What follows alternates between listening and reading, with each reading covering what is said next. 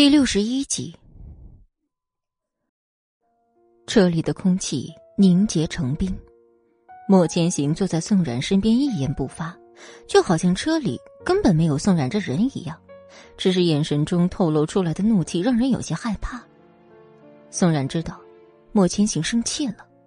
确切的来说，莫千行现在很不爽。莫千行知道宋冉的胆子一向不小。但他真的没想到，宋冉为了能跟齐军离开，居然不顾一切。一旁的宋冉一直看着窗外，表面上看不出有什么情绪，但他心里倒是很开心。他终于可以慢慢的推进下一步的计划。他的目的很简单，就是要还自己一个清白。而现在，他离自己的目标又近了一步。想到这儿，宋冉忍不住高兴。脸上慢慢的浮起了一丝笑容。很快，他们就到了莫家别墅，车停了，莫千行却纹丝不动。宋冉不想这个时候自讨没趣儿，莫千行不动，他也不动。过了一会儿，莫千行出声了，声音有些沙哑：“怎么，这会儿乖了？”莫先生，我可不是要等你，我只是在想，我的未婚夫。这会儿安全到家了没有？说着就要拉开车门。莫然，你敢？不知道莫先生是说我不敢现在下车，还是不敢想着我的未婚夫啊？莫千行知道，眼前的宋冉跟原来不一样了，胆子变大了不说，连说话的语气都不似原来那般。只是他现在真的很生气，他不能接受他的女人心里装着别的男人。虽然他的宋冉疑似失忆，但他莫千行不允许宋冉身边出现任何一个男人，所以，他要惩罚他，让他只能记住他。莫千行的眸子染上了一丝厉色，他不再多说什么，转身便下车了。宋冉还没反应过来，莫千行就将车门打开，一把将他拉出来，大横抱起就往别墅走。宋冉明白莫千行想要做什么，便也懒得反抗，只是贴近莫千行的耳边对他说：“莫先生，你不在乎我心里有别的男人吗？”莫千行知道宋冉故意激他，根本就没理他。进了别墅，直接上楼，把宋冉抱进卧室，扔在床上。莫千行看着宋冉一副无所谓的样子，就来火，他一把撕开他的衣服。宋冉知道，莫千行今天是不会放过他了，他不由得闭上眼睛，等待狂风暴雨的来临。莫千行迟迟没有开始下一步的动作，宋冉心生疑窦的睁开眼睛看着莫千行。莫然，看来情妇这个身份，你适应的很快。不待宋冉回答，他就趴进了宋冉，不放过宋冉身体的任何一个地方，一寸一寸。细细的欣赏着。这时，宋冉开始不自在。莫先生，你到底要做什么？莫千行却笑了。看你啊！宋冉的脸开始发热。莫千行倒是也没再说些什么，只是伸手开始碰触宋冉。他趴在宋冉的耳边呵气，时不时的亲吻宋冉的耳垂、脸颊，弄得宋冉有些意乱情迷。突然。他面前出现一个投影屏幕，那上面播放的是从前莫千行逼迫他在他母亲的视频时候脱衣服的场景。莫千行看着宋然有些怪异的表情，嘴角上扬。宋小姐，你看宋冉是不是和你很像啊？宋冉明白莫千行的用意，他就是想羞辱他，让他露出马脚。他委屈，他愤怒，但他现在无能为力。他不想再掩饰自己的情绪，他用尽全力，一把推开莫千行。莫先生，我不是谁的替代品，请你出去。看来宋小姐是动怒了。到嘴边的肉，莫千行可不会放过。他说着，丝毫不顾及宋冉的感受，再次将宋冉压到身下。他对着宋冉一字一句说道：“宋冉，欠别人的是要还的。”房里。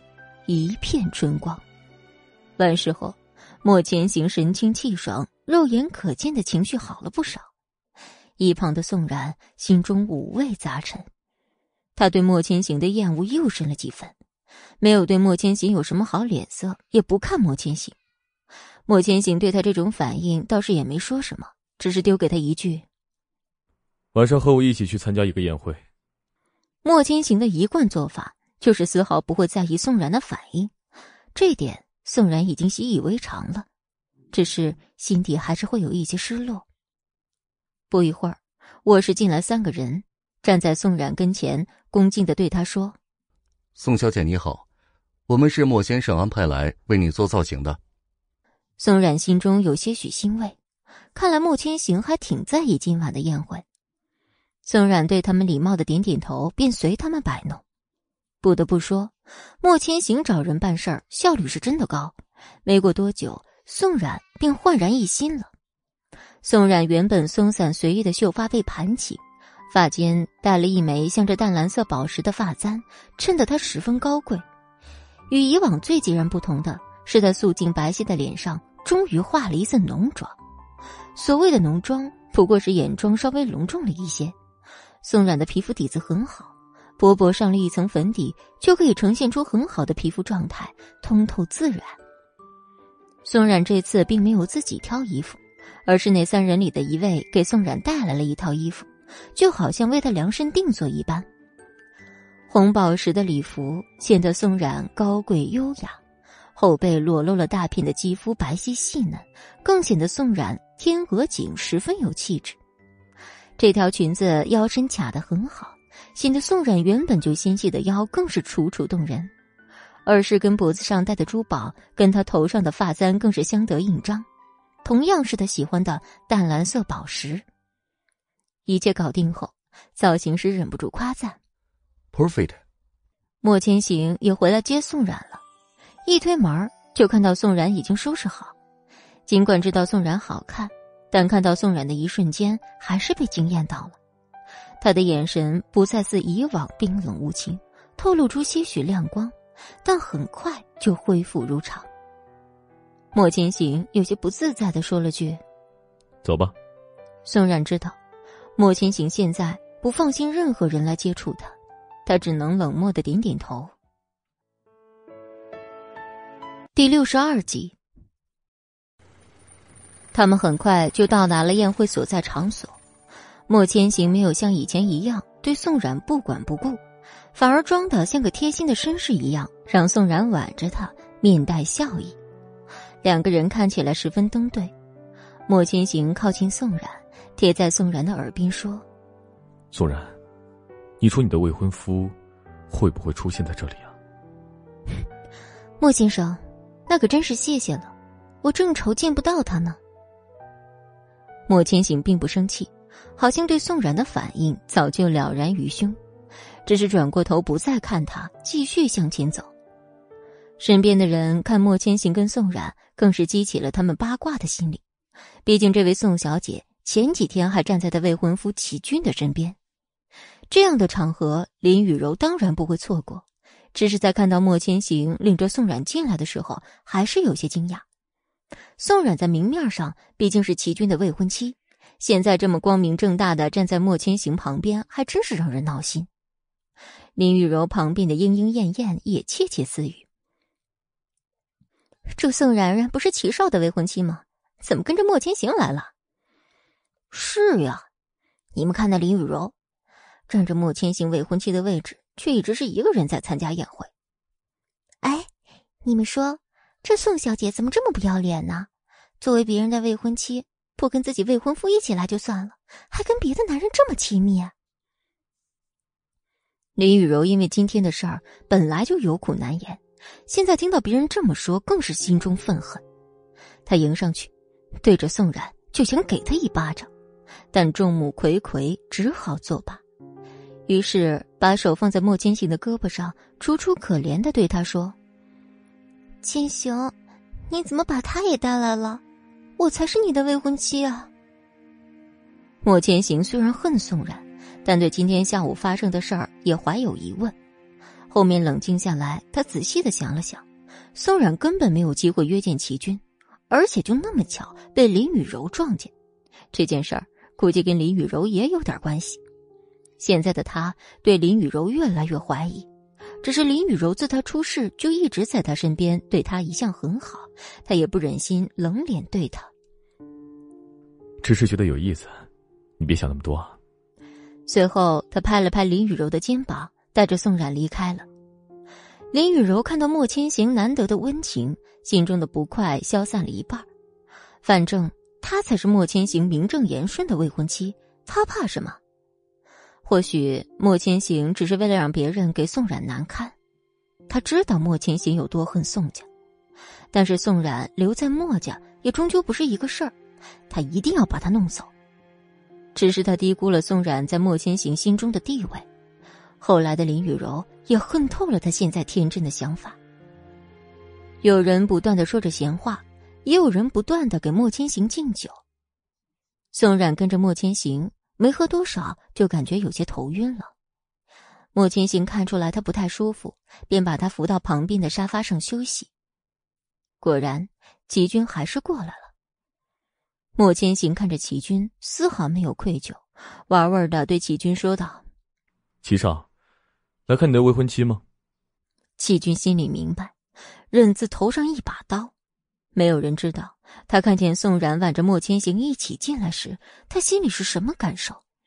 尽管他明白宋冉是为了复仇，可谁看着自己心爱的女人站在别的男人身边，能够无动于衷呢？可是为了冉冉，他得等。莫先生让你见笑了，齐某确实有些想自己的未婚妻了，来看看不为过吧？莫千行看着周围那么多人，想着也给齐家一个面子。毕竟齐连松可是老谋深算的主。莫千行勾起嘴角，一脸笑意的看着齐军说：“齐少，请便。”说着站起来准备离开，像是突然想起什么要交代似的，他又转头对齐军说了一句：“对了，齐少可别一个不小心又把人家给带走了。”说完，头也没回的往舞池的方向走去。齐军看了一眼周围，果然有人盯着他们。齐军坐下，双手扶着宋冉，小声对他说：“冉冉，你没事吧？”有些许头晕的宋冉看清楚面前是齐军，就对他笑了笑：“没事儿，就是有点头晕，休息一下就好了。”冉冉，你的计划是什么？今天下午又到底是怎么回事？我这段时间一定会被莫千行看得很严。你要找人去查林雨柔，今天这件事儿是林雨柔做的，还有上次的录音，真的没有办法找到了吗？我上次发在莫千行电脑上，不知什么原因他没看到，现在看来八成是林雨柔动的手脚。不过，一般商业用的电脑都会有系统备份，你多留意。宋然心里一下有底了，跟齐军动了一会儿脑子，也清醒了不少。看着齐军，他心里突然有些难过。他好像从来都没有关心过他。你要好好照顾自己的身体，等这一切都结束了，我就离开墨家。齐军心里非常清楚，宋冉是有些心疼他，但宋冉不会轻易给他什么诺言。但目前对他来说，宋冉要离开墨家，就是对他最好的承诺。坐在远处的莫千行看到这一幕。心中不大畅快，他拿起酒杯喝了一口酒，但看到周围的人都在羞辱宋冉，他有一种报复的快感。林雨柔不知什么时候来到他身边，和以往不大一样，没有吵吵闹闹，只是静静的坐着，和他看着相同的方向。来了，是啊，千行，我们什么时候能像他们一般恩爱就好了。等这段时间忙完，我们把婚礼提上日程。嗯，千行，我就知道，你心里有我。第六十三集，莫千行随手牵着林雨柔划过舞池，一旁的人都开始慢慢散开，看着他们跳舞。也有人开始说：“原配果然是原配呀，看莫先生跟林小姐。”才是天造地设的一对儿。我看那位宋小姐跟莫先生走在一起时，才宛如一对儿呢。这么看来，这宋小姐另攀高枝的梦怕是破碎了。要是我呀，我也觉得莫先生比齐少好得多，虽都财阀，可齐少这身体，唉。宴会正常进行着，宋冉觉得无趣，听了一晚上的闲言碎语也是心烦，便告诉齐军自己要去趟洗手间，径直离开了。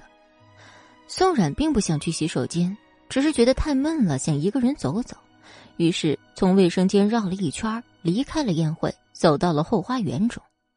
走着走着，宋然感觉路有点不太对劲儿，他心想不妙，可能是迷路了。可隐隐约约，好像听到什么声音，有点像是男女在。宋冉赶紧躲起来，怕被人发现，静静的听着。阿柔，好久没见你了，你还是这么诱人。亮哥，你好坏呀！今天这么重要的日子，你也敢过来？听到林雨柔的声音，宋冉差点惊叫出声，怎么会是他呢？他刚才还在跟莫千行跳舞，宋冉拿起手机开始悄悄录音。那亮哥一直说着一些猥琐的词汇，简直不堪入耳。而那林雨柔也不辜负宋冉这个听众，和亮哥一起打情骂俏不说，还微微传出些许呻吟。还没来得及仔细听完，宋冉就被人捂住嘴巴拉开了。草丛那头的两人还在忘情的做着苟且之事，根本没注意到这边发生的事儿。宋冉被带到主路旁边一个亭子里，虽然路上还没人，清清冷冷，但宋冉知道这人不是害他的。拉他走的那人松开了手，他回头看那人，发现并不认识。只见那人手做出了一个请的姿势。宋冉顺着他的手势往里走了一点抬眼才发现原来是祁连松，心中也松了一口气，对祁连松说道：“祁伯伯。”是你啊！吓着了吧？说完，抬了抬手，让身边的人下去，又接着说道：“现在你的计划很顺利。刚才你看到的一切，先不要声张。我能告诉你的就是，那人叫王亮。说起来，林雨柔还要叫他一声表哥。这个人追了林雨柔很久，是这段时间才搞到一起去的。你要小心，估计他们会对你不利。”嗯，齐伯伯。那我下一步该怎么走？宋然，你是个聪明的孩子，想必下一步，你和我的儿子已经商量好了吧？姜果然还是老的辣。齐伯伯，既然答应与你合作，那么我肯定还是听你的。宋然，你和齐军说了什么我不管，现在你手里的证据还不足以扳倒林雨柔，更不足以扳倒林家。你要继续找证据，当然了，齐军和你有配合也可以，不过有什么事儿，我必须要知道。说完，齐连松又把他的手下召过来。他手下给了宋冉一部手机，这手机比一般的手机都要小巧，放在包的夹层里也不容易被发现。这部手机你藏好，平时你发现了什么或者有什么困难，可以给我发信息，当然。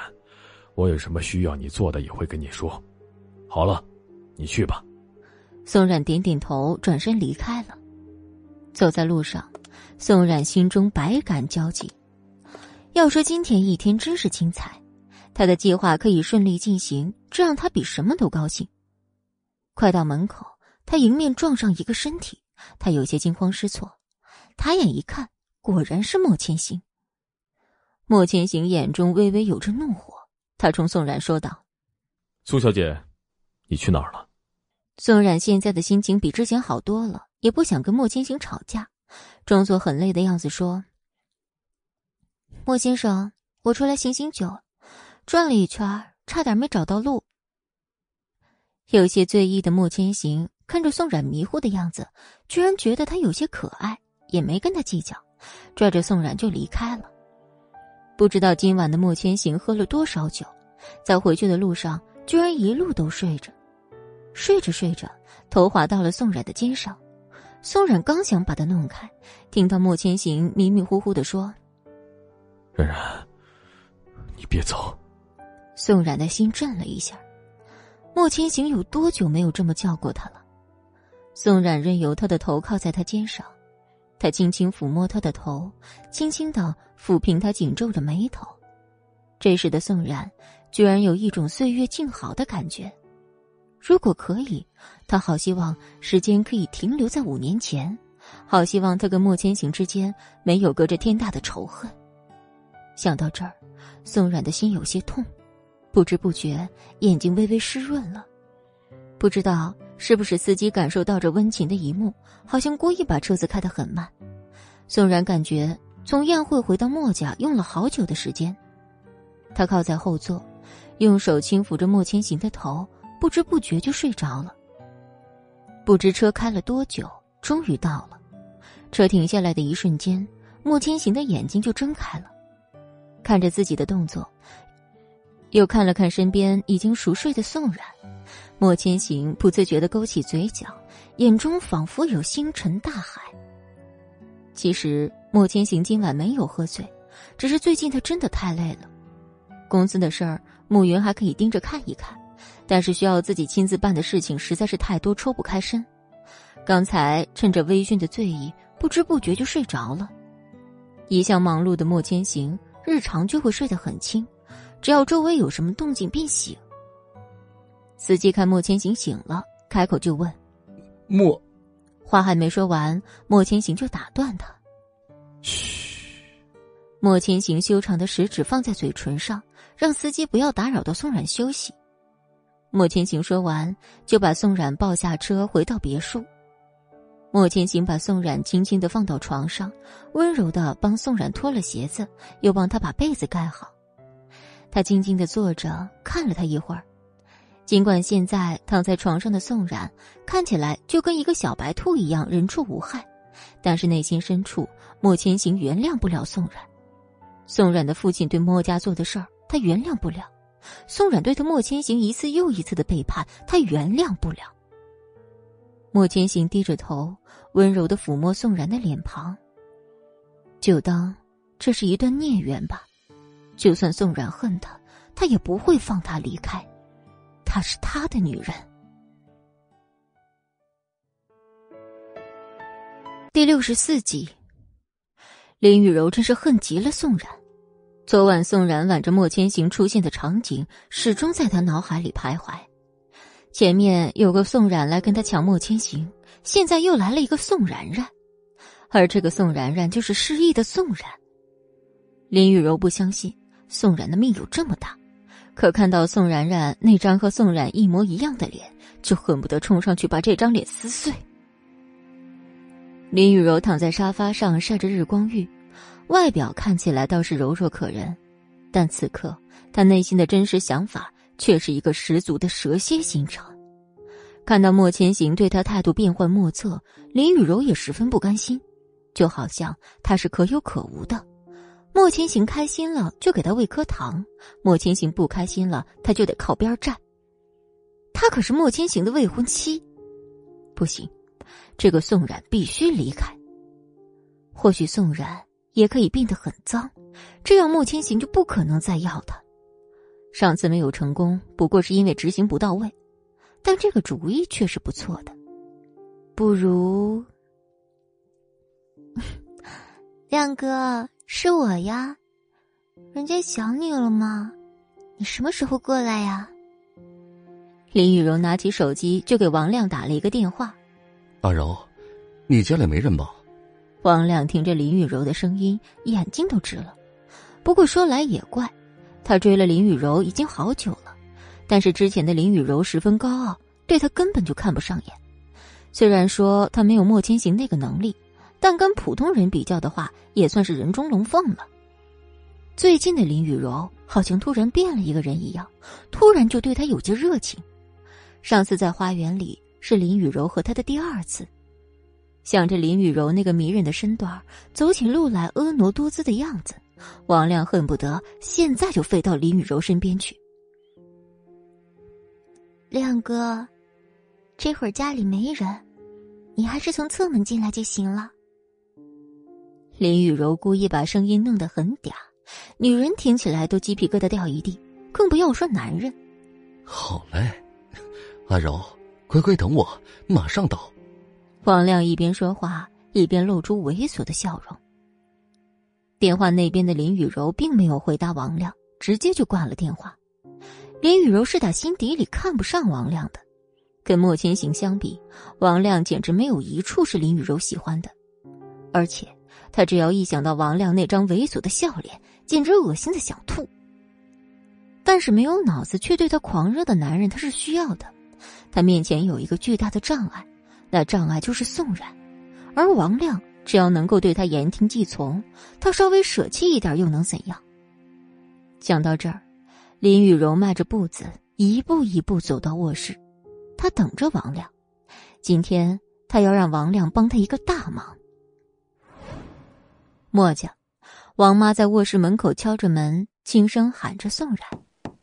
宋冉听到王妈的声音，迷迷糊糊的睁开眼，星星点点的阳光从卧室的窗帘里透露出来。宋冉眯了眯眼睛，又用手遮挡了一下。他昨晚睡得很好，但这会儿太阳穴微微有些疼，不过确实有些饿了。宋冉下意识的看了一眼床的另一边，微微塌陷进去的位置，似乎才离开不久。好，我一会儿就下去。宋冉清醒了一些，脑海里不自觉的就回想起了莫千行。昨晚的莫千行好像回到了五年前，五年前的莫千行才会依赖他，才会那么温柔的叫他冉冉。只是一切都回不到从前了。他现在只是希望能够还自己清白，然后好好的和他妈妈待在一起，远离这些是非纷扰。宋冉开始收拾自己，原来的宋冉喜欢干净、舒适、随意，而现在的宋冉冉，不论是否出门，都会稍微打扮一下自己。看着镜子中比原来精致的脸庞，宋冉很满意，像是打气一样。宋冉对着镜子笑了笑，今天可也有事情要做呢。宋冉一如往常的下了楼，看见空荡荡的饭桌，宋冉知道莫千行早就离开了。他缓缓走到桌子前坐下，看着丰盛的饭菜，却没有什么胃口，可能是人少吃饭不香吧。王妈，你也坐下来跟我一起吃吧。宋冉觉得一个人吃饭实在是吃不下，就叫王妈和他一起吃。王妈受宠若惊，恍惚间，他看到了从前的宋小姐，眼睛也微微有些湿润。宋小姐，是你吗？宋冉看着王妈，眼眶红了，她也有些不忍心去骗王妈了。王妈。可能我真的是你们口中的宋冉吧。这几天我时常头疼，脑海中总是出现一些零碎的记忆。我好像之前确实见过你。王妈听到宋冉的话，心里很激动。她真的很喜欢宋冉，她从没有遇见过宋冉这么好的小姐。别的人要么拿下人不当人，一整天呼来喝去；要么就是挑三拣四，觉得下人做的不好。最可怕的还要对下人施暴，动辄就是一顿打骂。他做这行这么多年了，只有宋冉不把他当下人，和他一起吃饭、一起做事，还会关心他，真正的把他当成了一个人。苏小姐，你回来就好。王妈坐在宋冉旁边，只是没有离宋冉很近，她怕身上脏蹭到宋冉的衣裳。宋冉并没有很刻意的跟王妈保持距离。宋冉明白，在这墨家，唯一对他好的人就是王妈了，就连十一也是王妈怕他闷特意送给他的。王妈一个劲儿的给宋冉夹菜，还帮宋冉盛了一碗粥。他知道宋冉昨晚喝酒了，胃里空空的，肯定不舒服。他特地煮了白粥，只放了桂圆、红枣这些补气的东西。宋冉看到王妈这样照顾他，心里一热。王妈这样让他想到了自己的妈妈，也不知道妈妈怎么样了，很久都没看到她了。宋冉收回自己的思绪，默默的帮王妈开始夹菜。这顿饭，宋冉吃了不少，这是宋冉第一次在莫家感受到家的温暖。吃完饭的宋冉和王妈又一起，一起说话，把碗洗掉。这使得王妈真真切切的确定宋冉还活着，她打心底里高兴。一切都收拾好了，宋冉就让王妈下去休息。他对着王妈始终不愿意装模作样，他想好好的对待对自己好的人。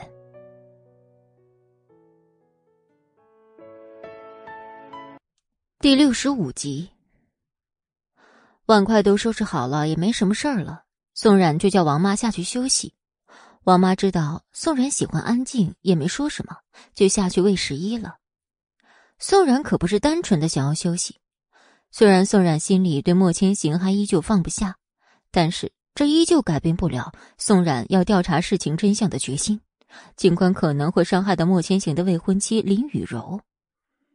是啊，莫千行已经不是曾经的少年郎了，他现在是别人的未婚夫。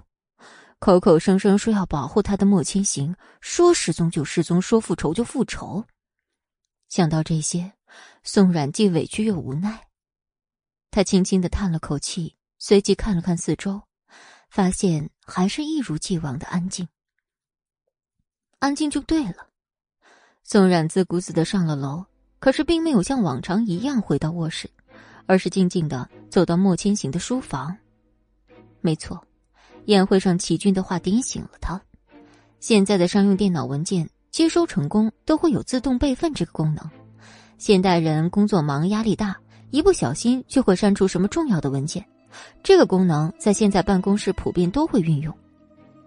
莫千行每天处理这么多事儿，不可能没有。可莫千行也不是一般人，他的书房上有指纹跟密码解锁。宋冉看了一下，指纹是没办法用了。只能看看密码，可是莫千行能用什么密码呢？宋冉想了半天，也不知道莫千行会用什么来当做密码。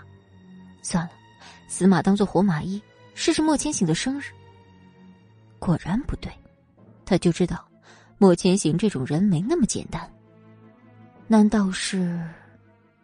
宋冉的回忆回到了六年前。冉冉，送你的。宋冉一双温柔的杏眼看着莫千行，他小心翼翼的打开手中的盒子，映入眼帘的是一只有着兔子装饰的手链。仔细看，兔子似乎是用粉色的宝石雕刻成的，微微有些透亮，非常精细。手链本身是十分简单的，一个温柔的兔子旁边零零星星的带着几颗淡粉色的珠子，是女孩子看了都会心动的简单款。千行。我好喜欢啊！可是，你为什么突然送我礼物呀？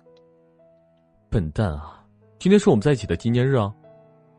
宋冉看莫千行有些不高兴的样子，就踮起脚尖亲了亲莫千行的脸。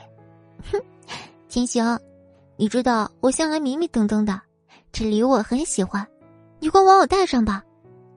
千行，有你真好。被宋冉亲了一口的莫千行脸有些微微的红，但是还是气鼓鼓的皱着眉，不愿意理宋冉。可是他心里却乐开了花，但他却不愿意表现出来。宋冉看着莫千行别扭的样子，心里觉得有些好玩，他又开口对莫千行说：“真生气了？好了好了，我做的不对吗？我们一会儿去照相，好不好？来记录我们的纪念日。”宋冉说完，伸手就去拿那条手链，让莫千行帮他戴上。莫千行对宋冉哪有什么办法呀？乖乖的将手链戴到宋冉的手上。手链上那只兔子在阳光的照射下折射出了温暖的光。那时的宋冉觉得，自己是全天下最幸福的女孩子了。墙壁上的老式钟表开始准点报时，钟表里的响声将宋冉的思绪拉了回来。宋冉心里有些落寞，当时的手链和他们纪念日的照片都整整齐齐的放在宋家那栋老房子里。当时宋家破产，家里一片混乱，也不知道那些东西还在不在。宋冉决定试一试他跟莫千行的纪念日。宋冉有些紧张，鼻尖上出了一层薄汗，他小心翼翼的输入他们的纪念日。你在干什么？莫千行的声音突然再次出现在宋冉背后，吓得宋冉一个激灵。宋冉知道，这个时候不能否认，越是否认，越是容易引起莫千行的怀疑。正在宋冉不知道该怎么回答时，莫千行又说话了：“宋冉啊，宋冉，你留在我身边是不是就是为了帮齐军收集我公司的机密？就像上一次一样，再背叛我一次？”莫千行的声音沉得可怕，宋冉害怕的不敢转过身看莫千行，可他心急如焚，他不自觉的脱口而出：“不是的，我只是……只是什么？宋然。”你就这么的恨我？莫千行走上去，双手狠狠抓住宋冉的肩膀，让他转过身来，盯着他，一字一句的说。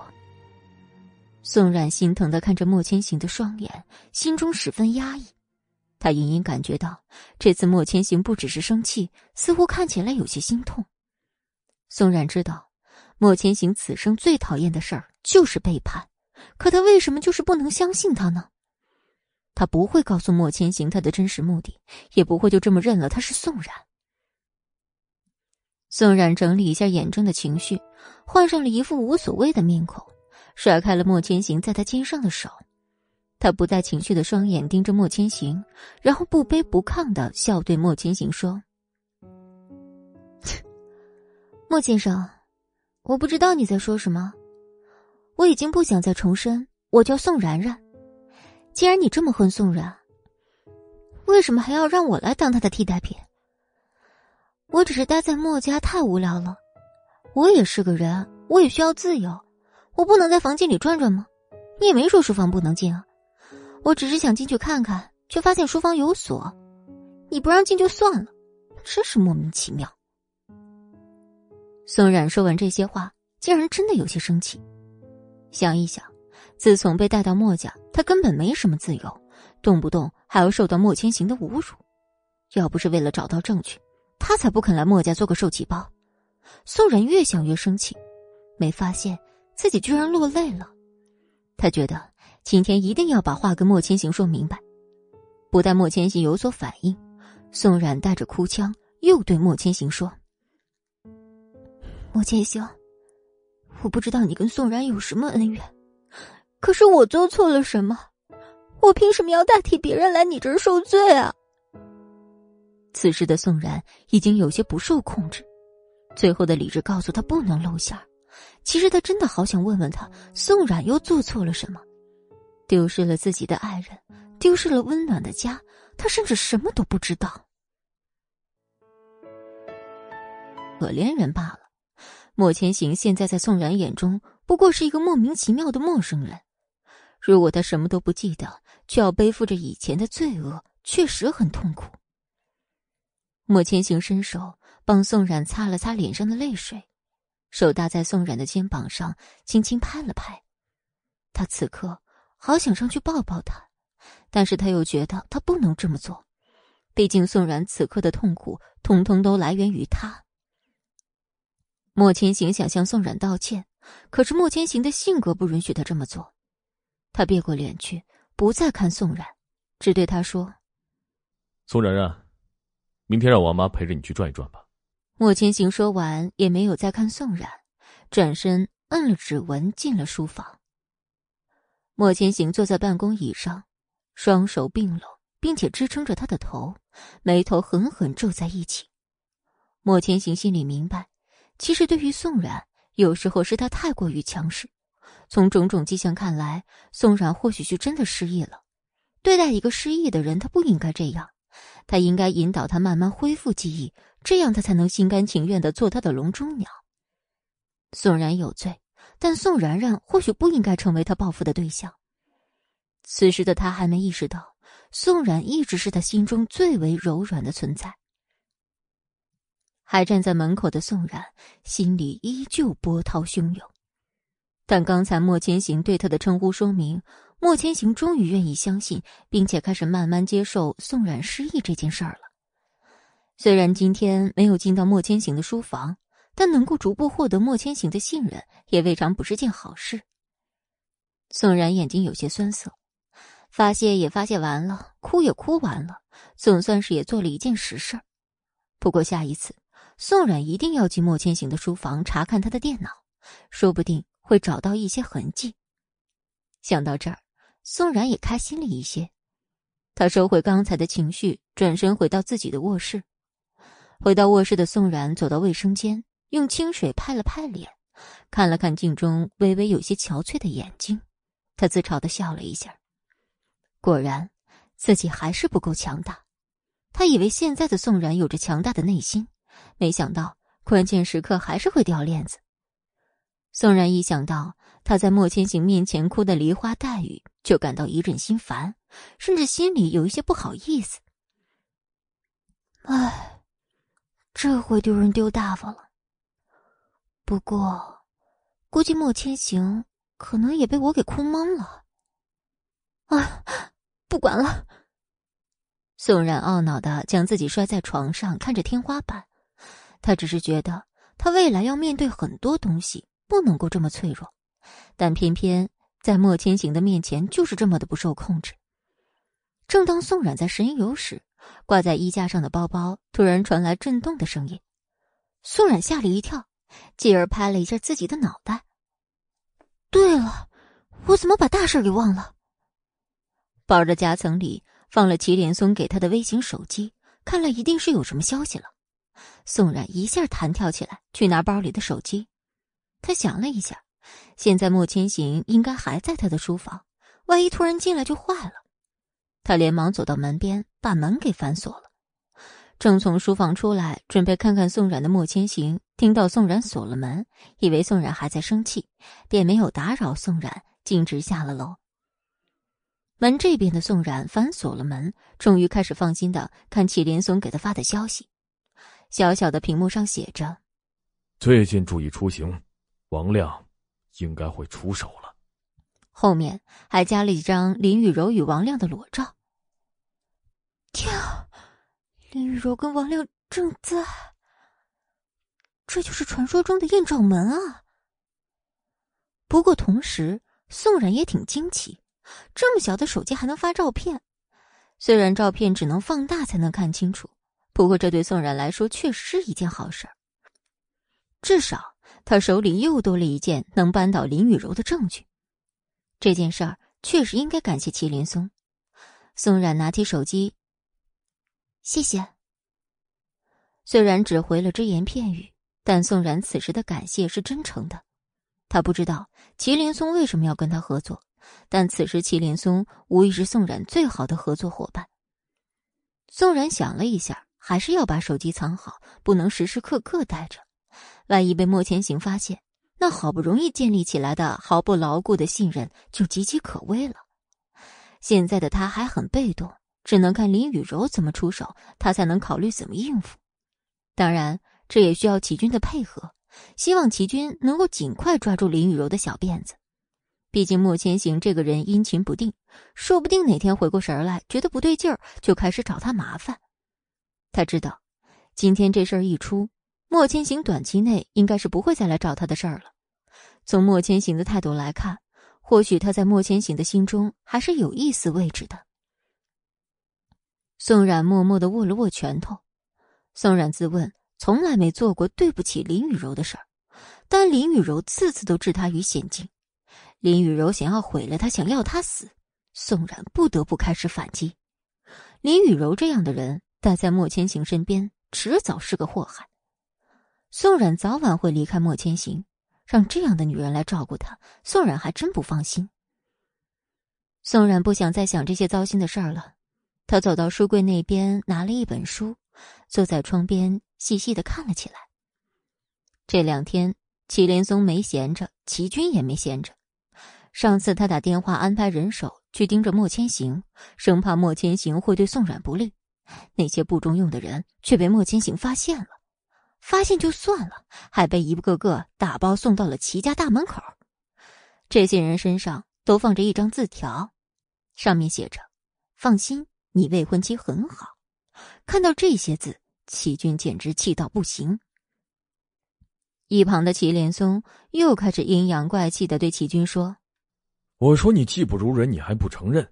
现在别人都骑到你头上了，要不是我，他莫千行早就对你下手了。”齐军看着祁连松那张似笑非笑的脸，不想与他过做纠缠，转身就离开了。齐军不明白，天底下怎么会有这样的父亲？祁连松看着齐军坐着轮椅离开的背影，慢慢收起脸上的表情。他的话不是针对齐军，只是希望齐军能够变得强大一点，能够保护好身边的人。反正都这么多年了，他也习惯了。齐军让自己冷静下来，他现在要做的最重要的事情是帮助宋冉早日离开墨家那个龙潭虎穴。既然莫千行那边不好对付，还是像冉冉说的，要盯死林雨柔。林家的公司也要派人进去，或许还可以找到一些蛛丝马迹。只是这次要派一些心腹去了。齐军想了一下，拿出手机打了一个电话：“海伦。”你现在还在国外吗？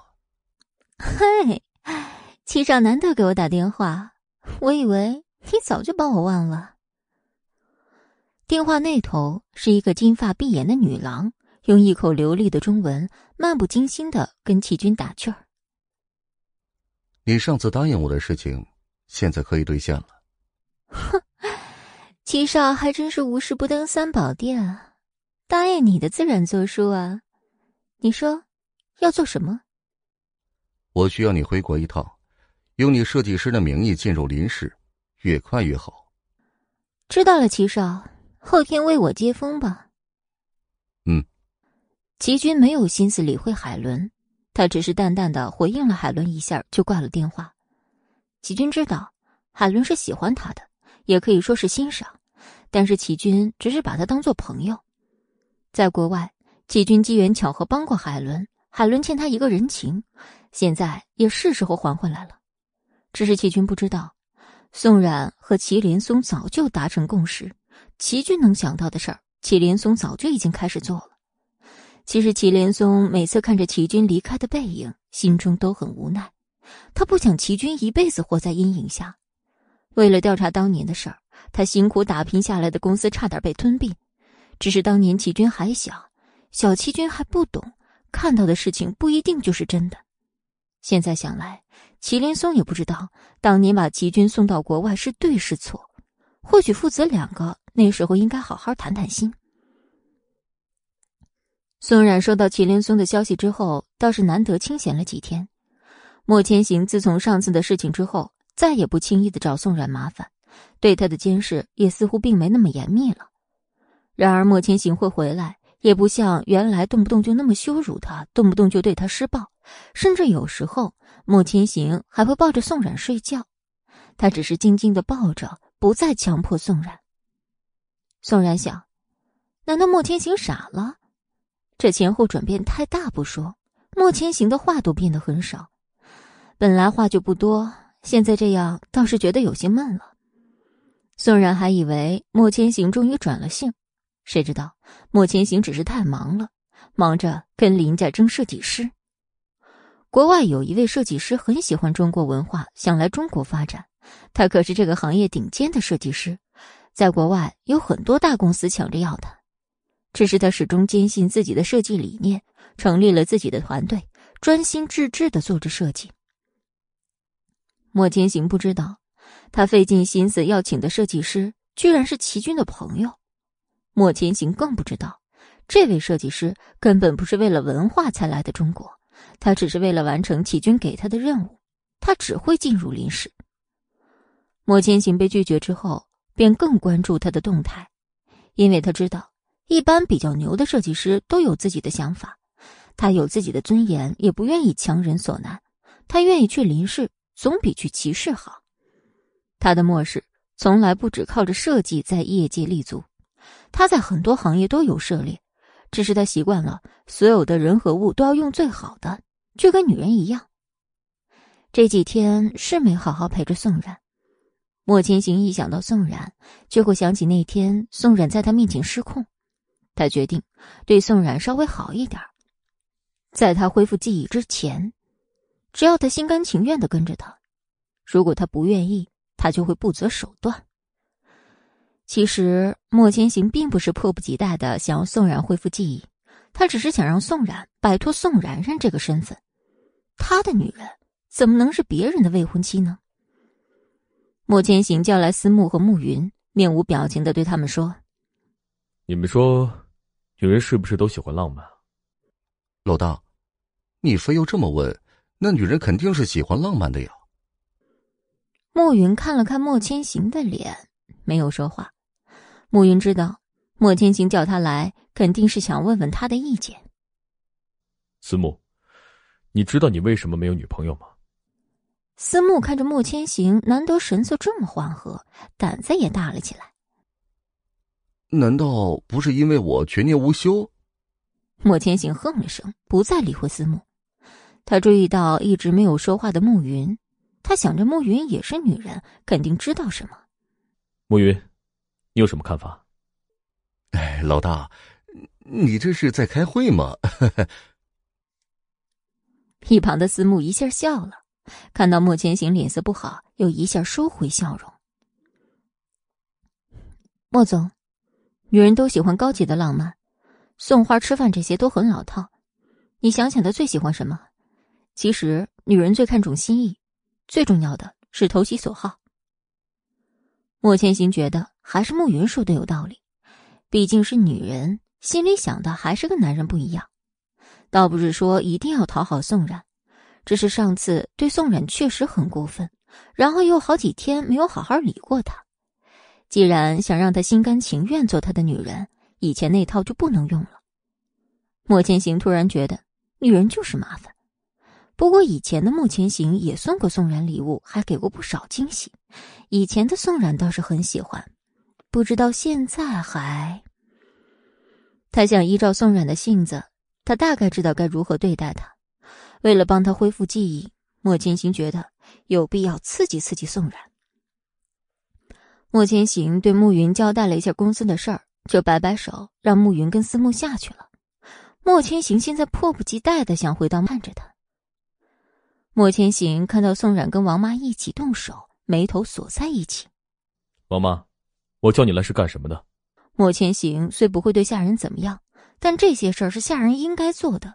他不希望宋冉来做这些吓人的事儿。王妈吓得拉着宋冉赶紧停下手中的活儿，颤颤巍巍的看着莫千行。其实莫千行没有对他们下人怎么样，只是莫千行平常一副冷脸的样子，会让人感觉到不怒自威，所以下人们都很怕他。宋冉看到王妈这个样子，瞪了莫千行一眼：“莫先生，你这么凶做什么？是我自己要做的。”王妈伺候的很好。宋冉知道，这种时候不能一味的袒护王妈，于是摆出一副小姐太太的样子。莫千行看着王妈哆哆嗦嗦的样子，也没多加责备，而是用依旧很冷的语气对他们说：“既然宋小姐自己愿意做，那我没什么好说的。”他走上前去，把宋冉拉到客厅，上下打量了宋冉一番，然后用着别扭的语气对宋冉说。今晚我们出去吃，给你十分钟，上去换身衣服。宋冉眉头一挑，今儿这是怎么了？性子又转回来了。他也没理莫千行，只是转身就回楼上了。他在镜子跟前照了照，这衣服哪儿不好了？他现在每天在墨家都会把自己打扮的很精致，他实在看不出有什么问题。白色的针织裙是修身款的，把宋冉的身材衬托的更加完美。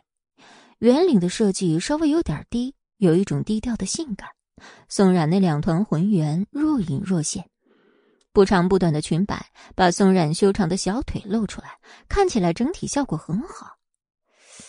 难道是？宋冉在心里默默想了下。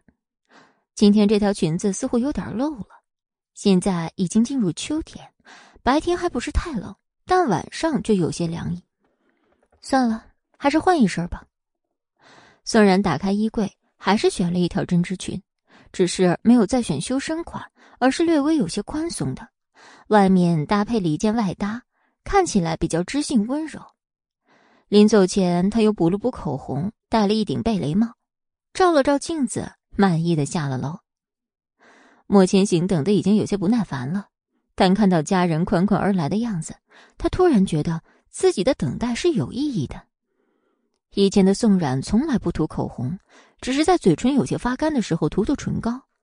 在莫千行的印象中，以前的宋冉尽管漂亮，但是在宋家出事以后，宋冉变得不再爱打扮。这事以后的宋冉每天过得倒是很精致，会敷面膜，会穿高跟鞋，爱涂口红，喜欢各式各样的裙子，而且不得不说，确实蛮有品味的。莫千行满意的看着宋冉，然后收回有些炙热的目光，淡淡说了句：“走吧。”宋冉在看到莫千行的一瞬间就知道，莫千行又上套了。宋冉知道，莫千行和他现在已经建立了一定的信任度，只要莫千行相信宋冉失忆，那么很多事情做起来也会得心应手。宋冉听到莫千行叫他，他脸上堆起一丝假笑，他随着莫千行离开。来到了一家装修很别致的饭店，有山有水，整体感觉像是来到了苏州园林。山山水水围绕着一栋古香古色的建筑，建筑门口是一座桥，桥直通饭店的门口。宋冉很喜欢这样的风格，让人心情平静。在这里，时间仿佛变得很慢。令宋冉有些奇怪的是，他们一路走到大厅。周围好像没什么别的客人，他觉得肯定是莫千行把这饭店包场了，还真是他的一贯作风。莫千行知道宋冉心里在想什么，也没生气，只是淡然的对他说：“这里每天只招待一位客人，需要预约。店家希望能够给顾客最好的服务，为了体现他们的诚心，这里只有一个桌子。”宋冉有些惊讶，不过倒是真没想到。莫千行这人平时看起来这么冷酷无情，居然也知道这种有情调的地方。莫千行看到宋冉有些惊讶，也并不奇怪。这本来就是为高端人士打造的，根本没有做推广。而且这里是莫千行自己的店，这创意跟环境都是莫千行自己想的。他原本只是想给忙碌的客人一份简单的宁静，没想到有一天会用在自己身上。莫千行带着宋冉来到这里唯一的一张饭桌旁坐下，宋冉倒是也没客气，直接坐到莫千行对面，皮笑肉不笑的对莫千行说了句：“莫先生今天好兴致啊。”莫千行看到宋冉没计较，只是对旁边的服务生伸了伸手。服务生看到莫千行的指示就开始上菜，上菜的速度跟莫千行的性格一样快。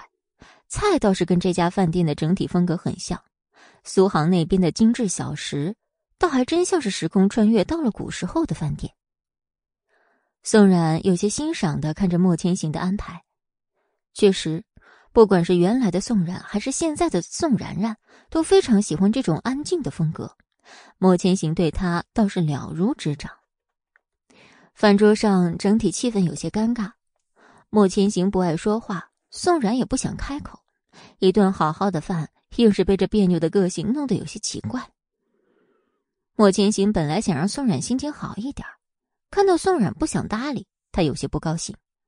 不过莫千行没表现出来，他可不想让事情发展的不顺利。看到宋冉吃的差不多，他抿了抿嘴，对宋冉说：“宋小姐，吃的还满意吗？”宋冉看莫千行这意思，后面还有别的事要做。就看看他今天到底要干什么。宋冉笑着对莫千行点了点头。莫千行让服务生把东西撤了，换上一套茶具上来，摆弄了一会儿，递给宋冉了一杯茶。宋然挑眉看了看莫千行，接过茶碗，轻轻的品了一下。他对茶叶倒是没什么研究，只是这茶香清而淡雅，他倒是很喜欢。莫千行看着茶也喝了，饭也吃了，决定把今天的重头戏拿出来，不再是简单的伸手。这次，莫千行拍了拍手，只见一旁的服务生拿了一个礼盒过来。宋冉期待的打开了这个盒子。宋冉看到礼物的一瞬间，心情是复杂的，因为莫千行在六年前就送了一个一模一样的礼物，就是那只粉红色兔子的手链。看来。他还是不相信他，他只是想让他失控，想让他质问他，想让他承认他就是宋冉，就活该被莫千行惩罚的罪人。宋然假装有些失望的从盒子里拿出礼物，然后故意问莫千行：“莫先生，这就是你送我的礼物？”莫千行看宋冉的反应，好像不是很喜欢。没关系，他只是想刺激宋冉，让宋冉找回从前的记忆。看来宋小姐不是很喜欢。我以为莫先生送人礼物应该有点诚意的，这条手链，怕是还没今天这顿饭贵吧？莫千行看宋冉没有一丝要记起来的意思，感觉没什么意思，眼中的光暗淡了一些。似乎是有些失望的，对宋冉说：“既然宋小姐不喜欢，那就扔了吧。”宋冉没想到莫千行是这个反应。其实从心底里，宋冉是喜欢这个小兔子的。罢了，我很喜欢，谢谢。宋冉用手摸了摸这条手链，心中明白，他若是不要，莫千行真的会扔掉。其实这做工还真挺不错的，丢了可惜。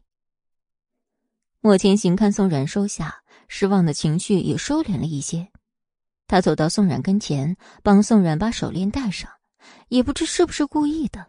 他靠近宋冉的耳边，轻声说了句：“既然戴了，就别再取下来了。”宋冉听到莫千行这么说，也没理他。宋冉抬了抬手，在灯光的照射下，粉红色的小兔子更显精致。饭吃好了，茶喝好了，礼物送完了。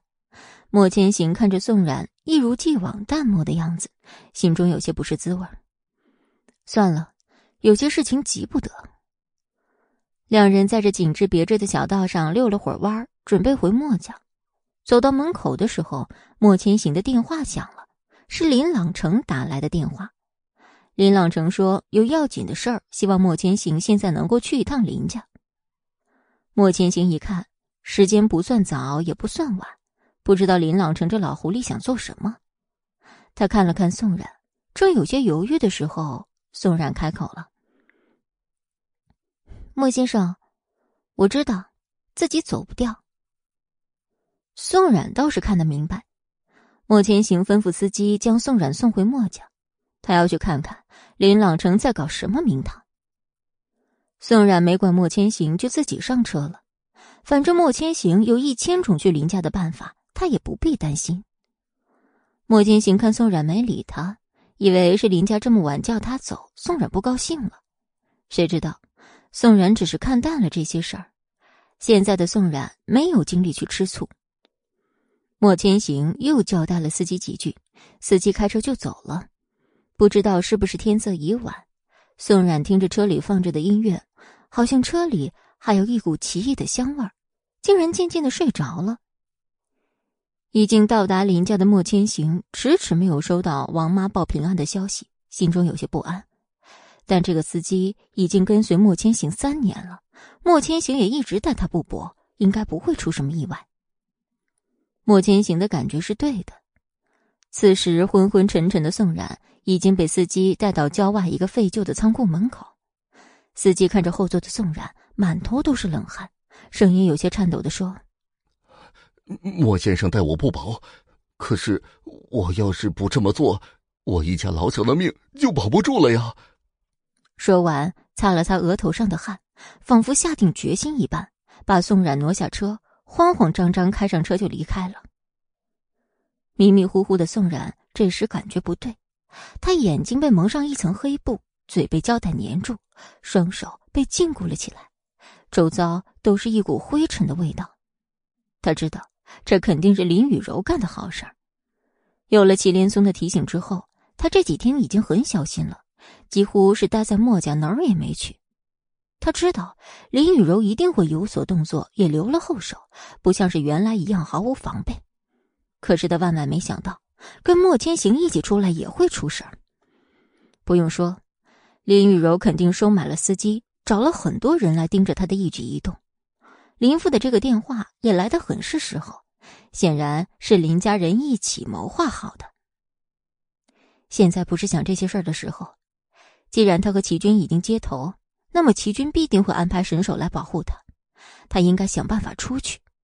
但现在宋冉知道，自己还是装作迷晕的样子才是最安全的。对，他不能乱动，他要拖时间等待救援。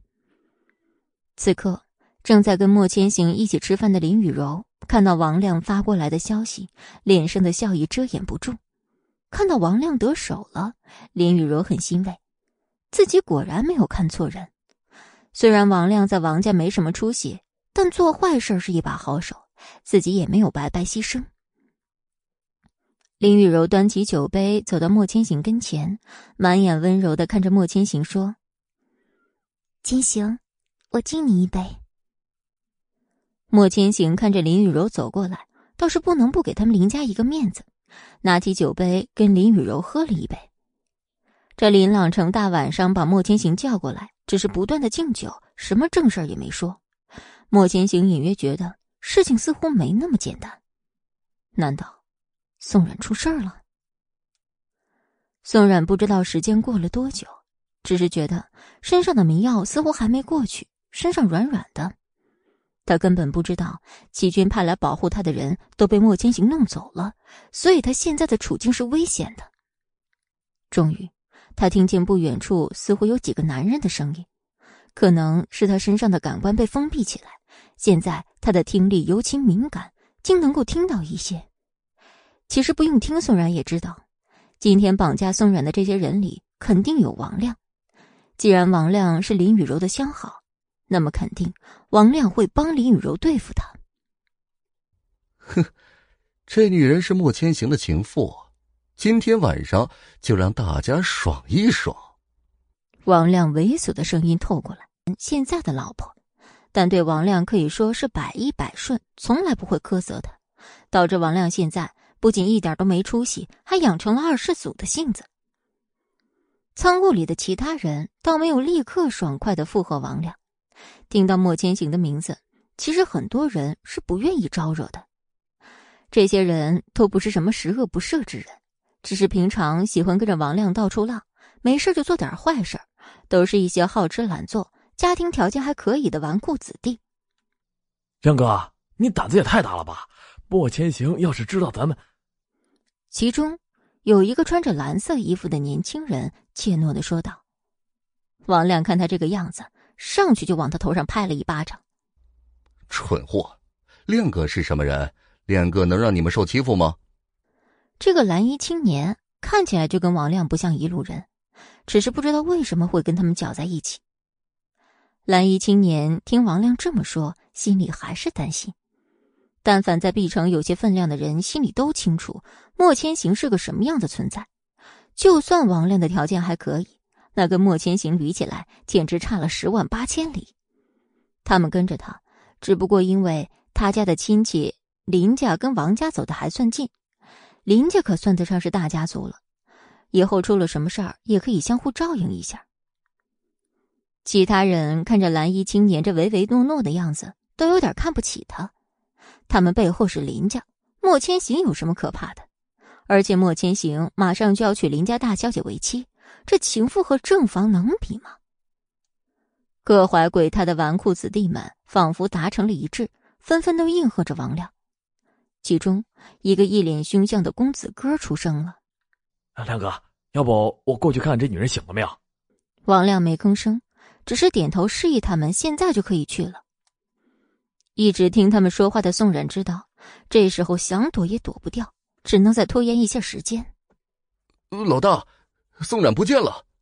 莫千行看着手机这头发来的消息，一下站了起来。他看着林朗成说了一句：“林董今天叫我来，到底有什么事情？”林朗成知道莫千行这是急了，他挂上一副笑脸，站起来扶着莫千行，想要莫千行坐下。他笑呵呵的对莫千行说：“贤侄，你这么叫就见外了，有什么事儿坐下来说。”莫千行已经有些绷不住了。但现在他还需要林家，只能硬着头皮又坐下，赶紧给司慕发了一条消息，让他赶紧把人找到。谁知消息一过去，司慕就已经发消息过来，人已经找到了。看到消息，我就立马派人去找了。人在郊外一处废旧的仓库里，就知道你很紧张。莫千行看着司慕发来的消息，心中稍微放心了一些。只是思慕在这种紧张的时候还跟莫千行打趣儿，让莫千行心里有些不爽。这个思慕，看来平常是好脸色给太多了。莫千行垮着脸，又动手给思慕发了一条消息，告诉思慕让思慕亲自去救宋冉。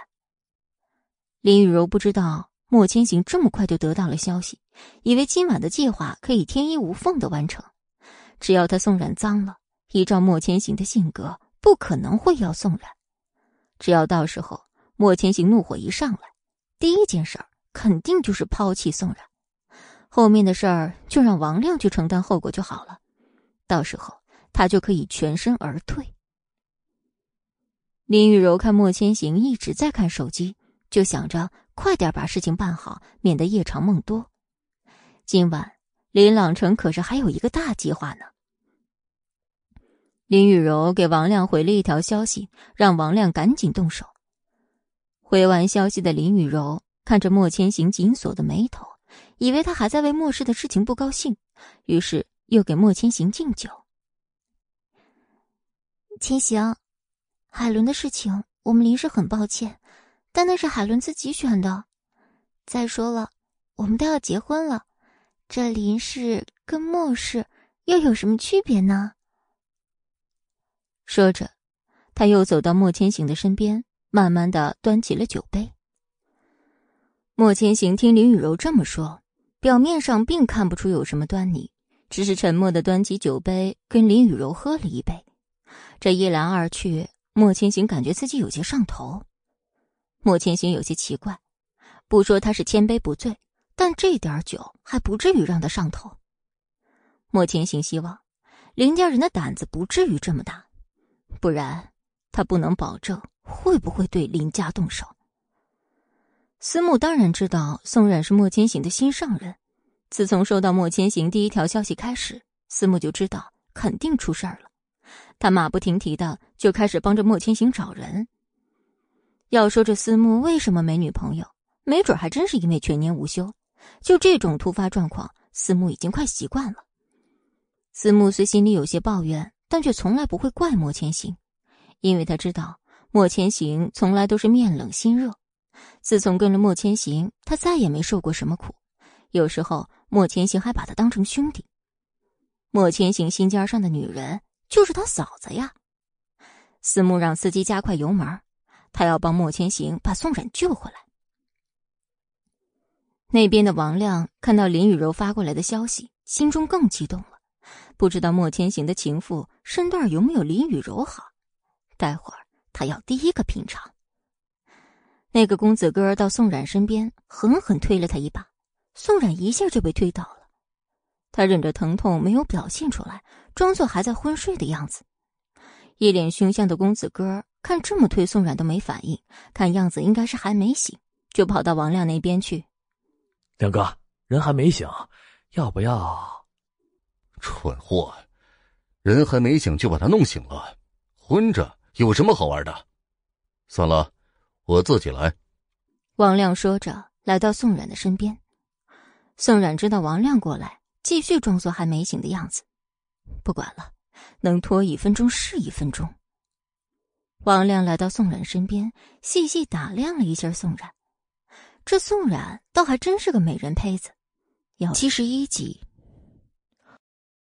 王亮上去就抓宋冉试了试手感，没想到这宋冉看起来瘦弱，实际上还挺有料的。抓着宋冉的王亮这一上手就停不下来了，但看个宋冉跟个死人一样，他觉得实在没意思，就放开了手。宋冉此刻但凡有一点办法，绝对会上去给王亮两巴掌，但宋冉知道，小不忍则乱大谋，他现在一定要忍住。别看这个王亮不是什么好东西。但对漂亮女人还真是挺怜香惜玉的。王亮伸手拍了拍宋冉的脸，见宋冉没反应，渐渐也开始有些不耐烦了。他转过头去，用手指指着那蓝衣青年说：“你过来，给我把他弄醒。”蓝衣青年不确定是不是在叫自己，一脸懵逼的用手指了指自己。王亮看到蓝衣青年的样子更加烦躁，他用更大的音量吼道。对，就是你！我操！蓝衣青年没办法，只好迈着犹豫的步伐，慢慢的往那边走。王亮看到蓝衣青年这样子，简直要气炸了，随即又吼道：“你给老子快点！”蓝衣青年加快步伐，走到了宋冉身边，手足无措，不知道现在该做什么。林雨柔已经在王亮那边得手了，就更加放肆的一杯接着一杯的灌莫千行。但林雨柔万万没想到。王亮这伙人虽然是做坏事的料，但谁也没有做过这样的事儿。蓝衣青年想了想，就趴到宋冉身边，一边摇一边开始叫他：“小姐，小姐，小姐，你醒醒啊！”一旁的王亮看到蓝衣青年用这个笨办法，气得上去就想给他一拳，但看到宋冉微微有了些反应，还是没有动手。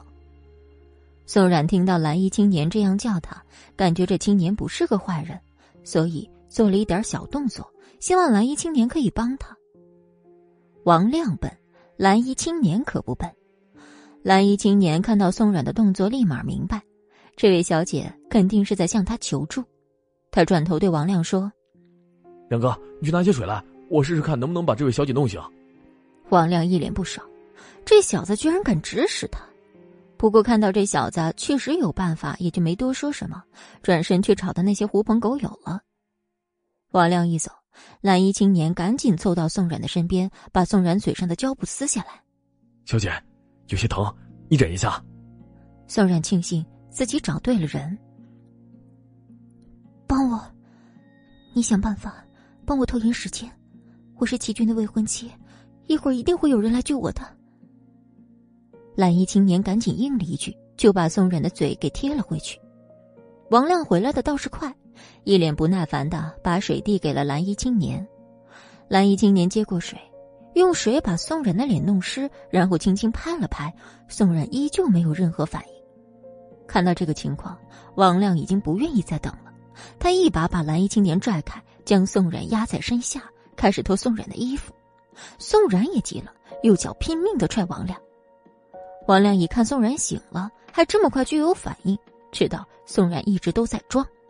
他一把扯掉宋然嘴上的胶布，对宋然说：“宋小姐，你是在等莫千行来救你吗？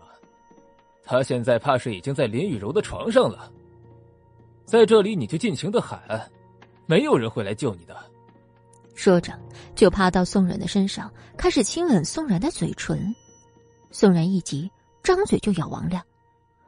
王亮嘴角被宋然咬出血，气急败坏，给了宋然一巴掌。然后对宋然说：“你敢咬老子，你个贱人！”王亮没有忘记林雨柔对他交代的事儿，就想先扒掉宋冉的衣服给他拍照。宋冉没想到王亮忽然换了方式，眼看着外搭就要被脱下，心中充满绝望。如果莫千行此刻会过来就好了。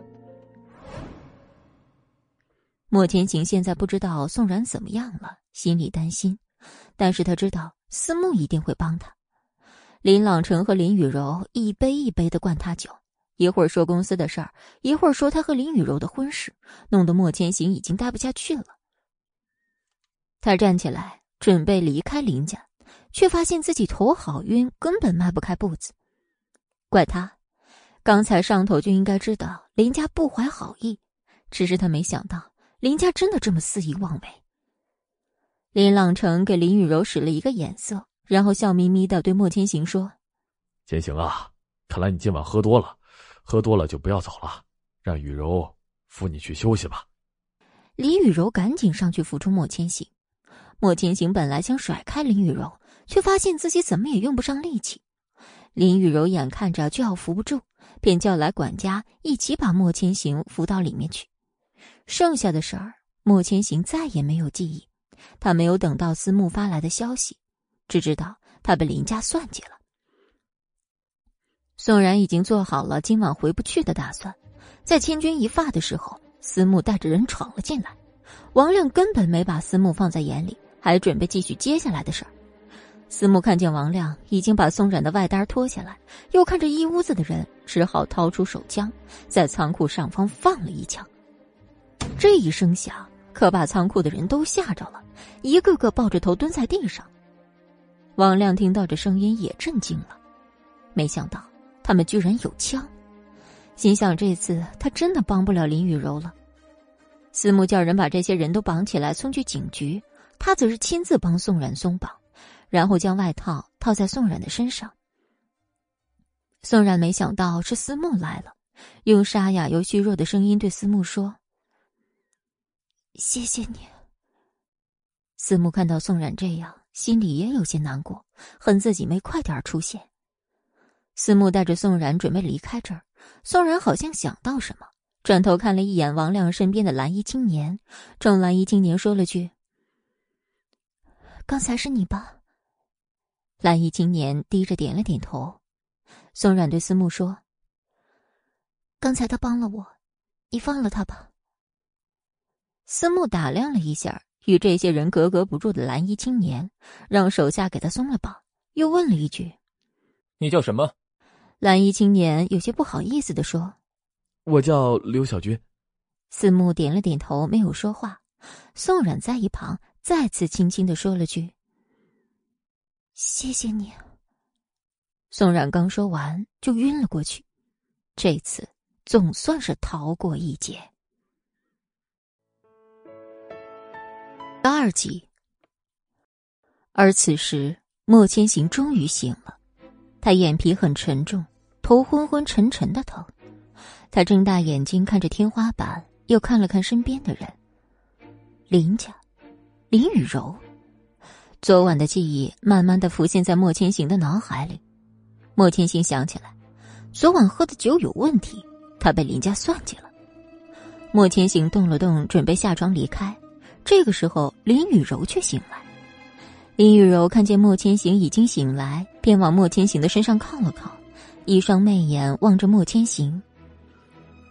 千行，你昨晚……听到林雨柔的声音。莫千行本就黑着的一张脸，现在更是眉头紧紧锁在一起。昨晚发生了什么？千行，你好坏啊！林雨柔故作娇态，把头埋在莫千行的肩膀上。莫千行没反应，只是开始陷入沉思。这种场景不是第一次在莫千行身上发生了。莫千行再信任林雨柔，心里也知道肯定是哪儿不对。有一回，宋冉一夜未归。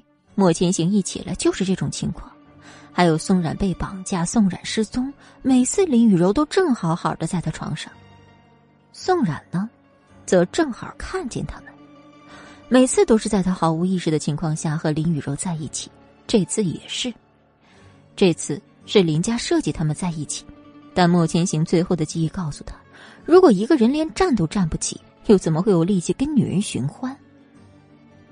林雨柔见莫千行久久没有说话，就伸手推了推莫千行。莫千行一下回过神来。千行，你怎么了？是不是不舒服呀？林雨柔用手摸了摸莫千行的脑袋，莫千行甩开林雨柔的手，声音阴沉的说：“昨晚发生了什么？你们林家的人应该比我更清楚。”说完，顺势下了床，穿上衣服。看也没看林雨柔一眼就离开了。林雨柔看莫千行这个样子，就知道昨晚的事儿，莫千行应该是知道了。但这是林朗成的主意，林雨柔只是顺水推舟，他想拖住莫千行，不让莫千行有机会去救宋冉。现在的宋冉怕是已经没有颜面见莫千行了吧？林雨柔心里十分高兴，他莫千行对他这个样子又怎样？再怎么样，他是他唯一的未婚妻。只要宋冉离开了他，他的目光迟早有一天会一直在他身上。不对，林雨柔像是想到什么，赶紧冲下床，都来不及把睡裙套上，就跑到桌边拿起手机。事情不对，为什么王亮没给他发照片？从昨晚之后，再也没有任何消息。林雨柔神色紧张的给王亮打电话，发现王亮的手机已经关机了，打了好几个都打不通。林雨柔又想起刚才莫千行对她的态度，难道莫千行知道了什么？林雨柔一丝不挂的瘫坐在地上，这次他可能会连累林家。像是突然想到什么，林雨柔套了条裙子，赶紧冲到书房。莫千行臭着一张脸从林家出来，他准备给思慕打个电话，问问宋冉现在在哪儿。他一打开手机，发现司慕一长串的未接电话，他的手机不知什么时候被调成了静音。他赶紧给司慕拨了一个电话，只听见司慕惨兮兮的声音从电话那头传来：“老大，你还要不要人活？别啰嗦，人在哪儿呢？宋小姐在医院，我给你打了一晚上的电话，你倒是睡好了。可怜我，唉，我昨晚被林家算计了。需要我做什么？之前宋冉发生的种种意外，你给我彻查。”莫千行眼中闪过一丝阴冷的光，说完就挂了电话。经过昨天的事儿，莫千行对林家开始怀疑。他一直都知道林朗成是个老谋深算的狐狸，但是他没想到林雨柔柔弱的外表下有着深不可测的心机。毕竟林雨柔陪伴了莫千行这么多年，而且帮助他很多，他不愿意相信林雨柔也会算计他。宋冉的父亲做了伤害他们家的事儿，没错。但是宋冉在这儿并没什么仇家，为何会一而再、再而三的受到伤害？经过昨天的事儿，莫千行知道很多事情不像看上去那么简单。如果这一切都和林雨柔有关系，他不会放过他。莫千行很快就到了医院，他找到了宋冉所在的病房，推开门走了进去。他一进去就看到宋冉面色苍白的躺在病床上，露出来的手腕上还有被绳子磨出的伤痕。思慕看到莫千行进来，一下就从病床的沙发上站起来。思慕刚想要说话，莫千行伸手制止了他。莫千行走到宋冉跟前蹲下，他心疼的看着宋冉，伸手摸了摸宋冉的脸，很久没有说话。他怪自己没保护好宋冉。就算宋冉有什么罪，也应该是由他来惩罚他，怎么能够让别人这么对待他呢？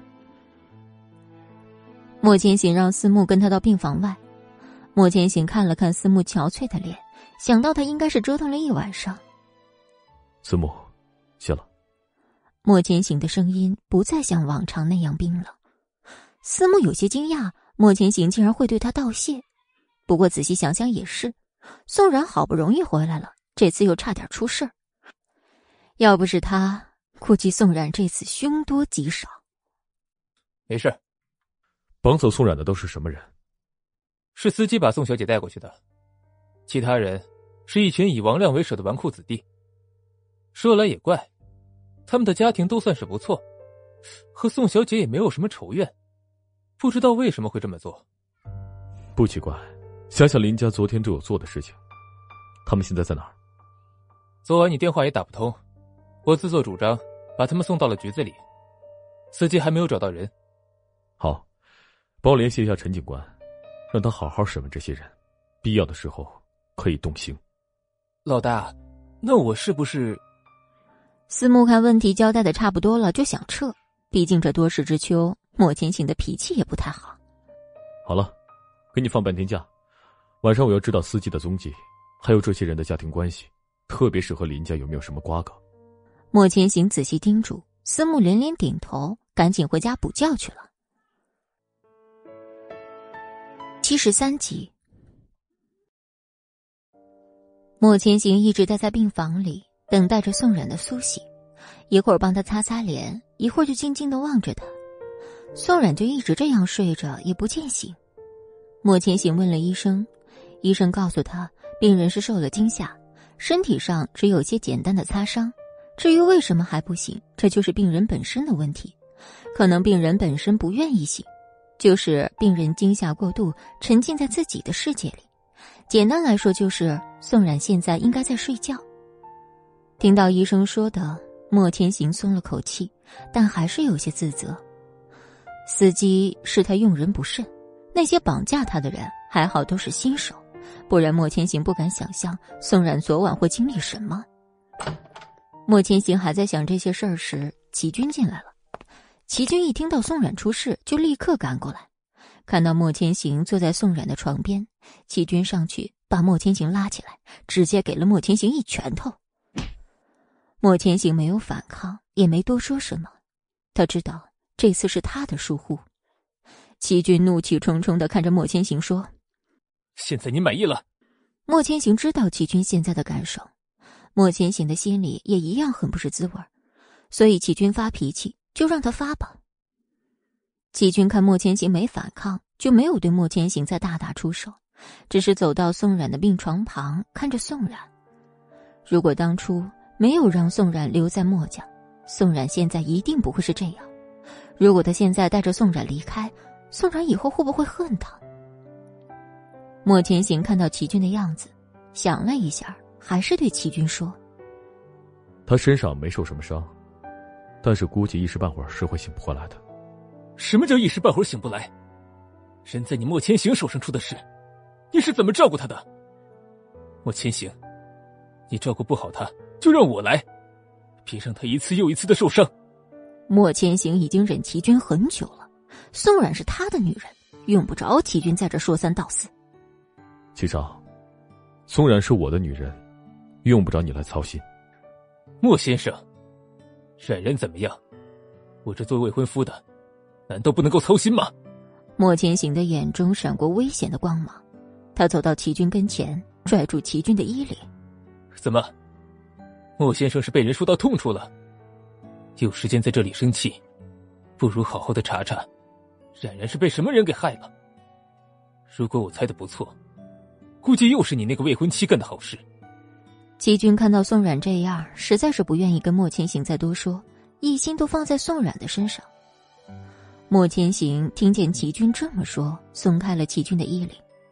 看来之前的事儿和林家也脱不了干系。要不是林朗成沉不住气，搞出昨晚这么一出，莫千行还真不会怀疑一直支持他的林家。看来是时候好好查一查了。宋冉孤身一人在一片白茫茫的空间里，不知道自己在哪儿，也不知道自己在干什么。只是在这片混沌的空间里，一直漫无目的的往前走。走着走着，他看见了自己的父亲。他的父亲宋远正在和蔼的看着他。他看见父亲十分激动，不禁加快了步伐。明明父亲就在眼前，可宋然怎么走也走不到父亲身边。宋然双眼都是泪水，忍不住用沙哑的嗓音叫：“爸爸，我好想你。”你过得还好吗？只见宋远笑着点点头，然后瞬间就消失了。只是这个空间中传出了宋远的声音：“孩子，我很好，你快回去吧，你妈妈还在等你。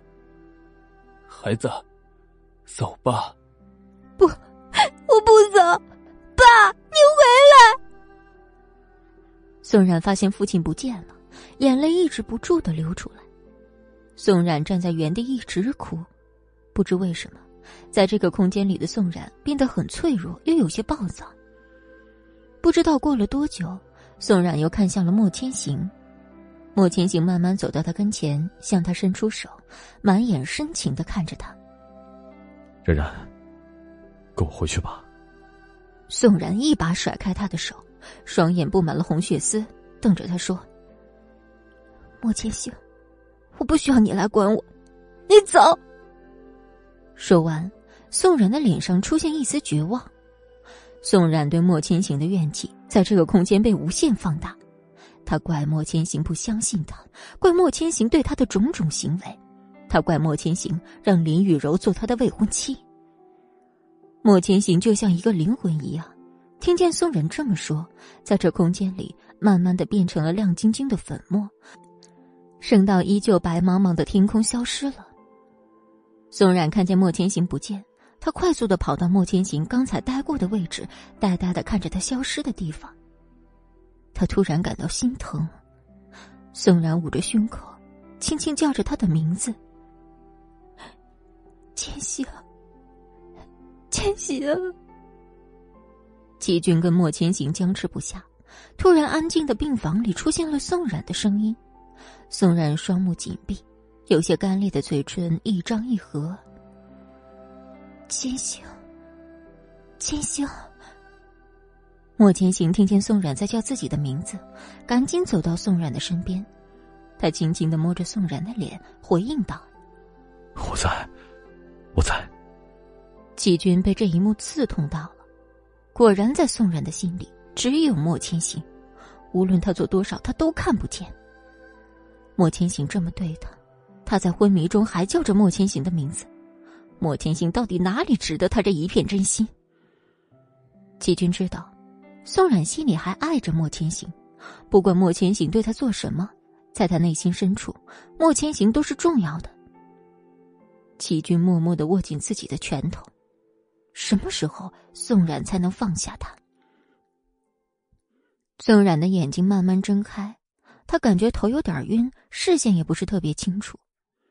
宋冉眨眨眼，视线慢慢恢复了。他看到齐军跟莫千行都在望着他，他吓了一跳。这是怎么了？怎么他们都看着他？他不过是睡了一觉。宋冉一下想起了昨天晚上发生的事儿，他想起来了，他差点就被王亮那个变态给强占了，最后还是思慕救了自己。宋冉想坐起来喝口水，两人同时伸手扶住宋冉的胳膊。第七十四集，宋冉淡漠的看着两人，没有说话。其实现在宋冉的心情是很复杂的。昨天晚上的情况，宋冉心里很清楚是谁动了手脚。要说不怨，他是不怨谁的。这种情况，他事先就有心理准备。林雨柔的手段来来回回就这么些，但他本身和林雨柔无怨无仇。要说罪魁祸首，还是莫千行。他虽不愿，但心里还是很不舒服。林雨柔对他动手已经不是一次两次，从伤害他到陷害他，说白了。是莫千行对他的不信任，他现在对莫千行已经失望透顶。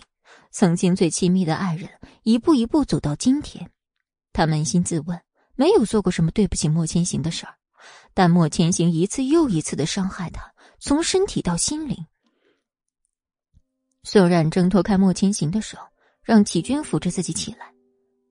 莫千行看到宋冉的动作，就明白宋冉这是在怪他。他有什么资格怪他？莫千行的父母是被宋冉的爸爸害死的，他现在能够留他一条命，已经是看在从前的情分上。虽然莫千行知道宋冉受了很大的委屈，但莫千行对宋冉此刻的行为很不高兴。刚刚还叫着他的名字，一转眼就对他不理不睬，反而开始对齐军勾三搭四。算了，看在他刚醒的份上，就让齐军就近照顾他吧。莫千行尴尬的收回手，只是目光一直追随着宋冉。宋冉知道莫千行的脾气，但在这种时候，宋冉不想管莫千行此刻是否高兴。齐军非常细心的把宋冉扶起，把枕头放在宋冉的身后，让宋冉能够舒服一点。齐军又从旁边接了点温水，非常贴心的递给宋冉。看着宋冉喝了一口，随后又温柔的对宋冉说。冉冉，你现在感觉怎么样？谢谢你，齐军，我现在感觉恢复一些了。宋冉温柔的看着齐军，脸色还是不太好看，整个人还是虚弱的状态。齐军看着宋冉说个话都有气无力的，真的感觉很心疼他。他望着他，语气有些坚定的对他说：“冉冉，跟我走吧。”宋冉知道。齐军经历了这件事之后，更不愿意让他待在莫千行的身边。只是解铃还需系铃人，宋冉不想半途而废。不入虎穴，焉得虎子？宋冉还没做出反应，在一旁的莫千行已经坐不住了。怎么，你们现在是在我面前秀恩爱吗？宋冉，你记住你的身份。如果你记不住，我就帮你好好的回忆回忆。看莫千行不还好好在他们面前，要是莫千行不在，他不知道他们还会做出什么过分的事儿。宋冉看到莫千行阴阳怪气的样子，正准备怼他，结果还是齐军先忍不住了。莫总，看来你还没有搞清楚状况。宋冉冉是我的女人。莫千行听到这样的话，心里一阵烦闷。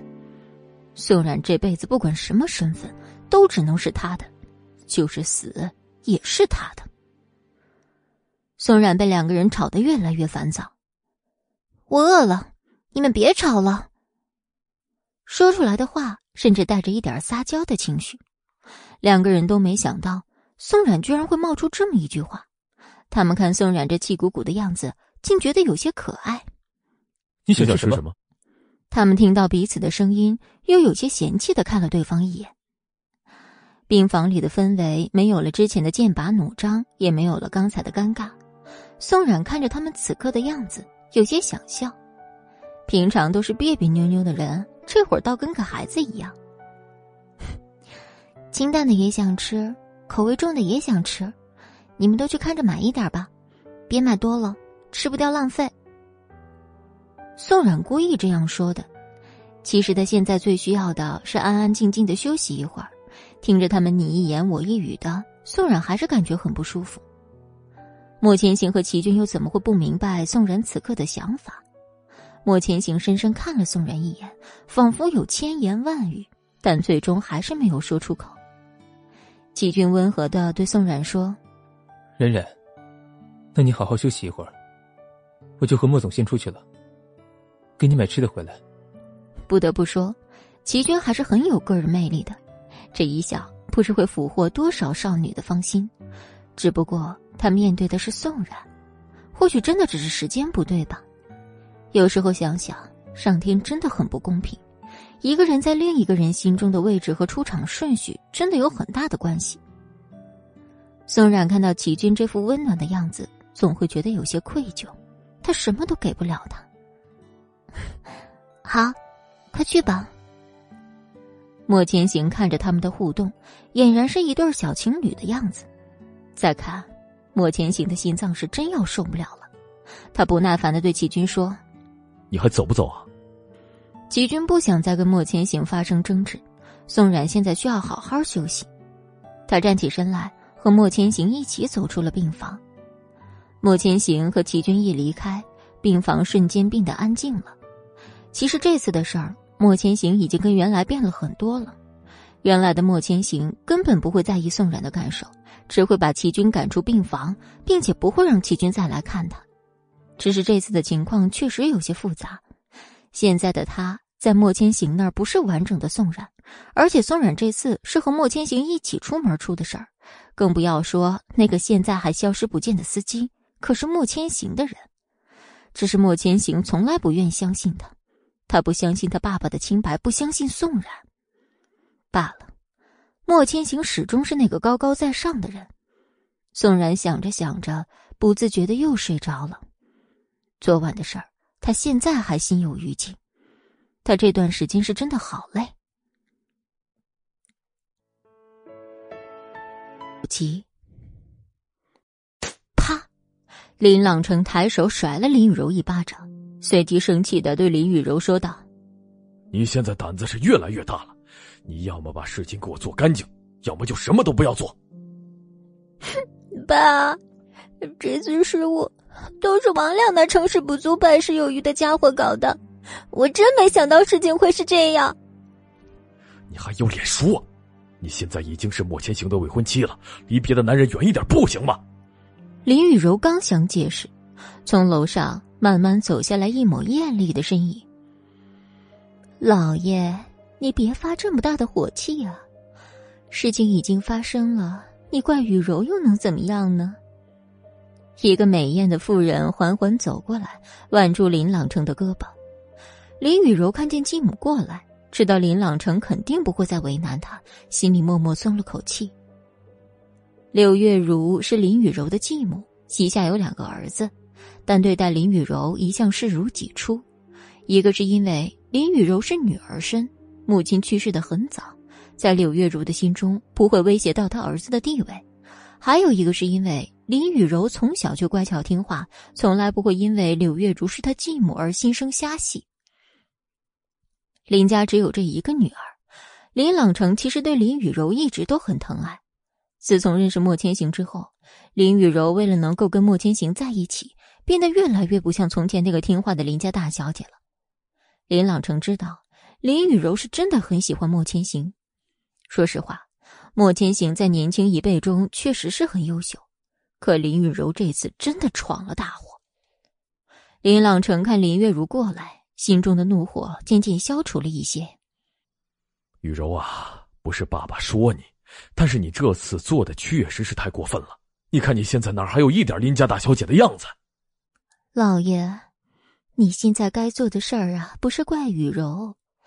你看，他已经知道错了，咱们现在应该想着怎么解决这件事儿。林月如说着，向林雨柔递了一个眼色。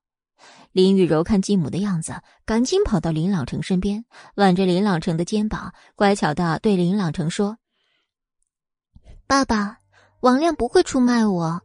至于他身边那些纨绔子弟，我们只要想办法把他们家族买通，让他们不要供出我们就行了。司机已经背叛莫千行，又拿了封口费，不会开口。他们一家人今天就会离开这儿。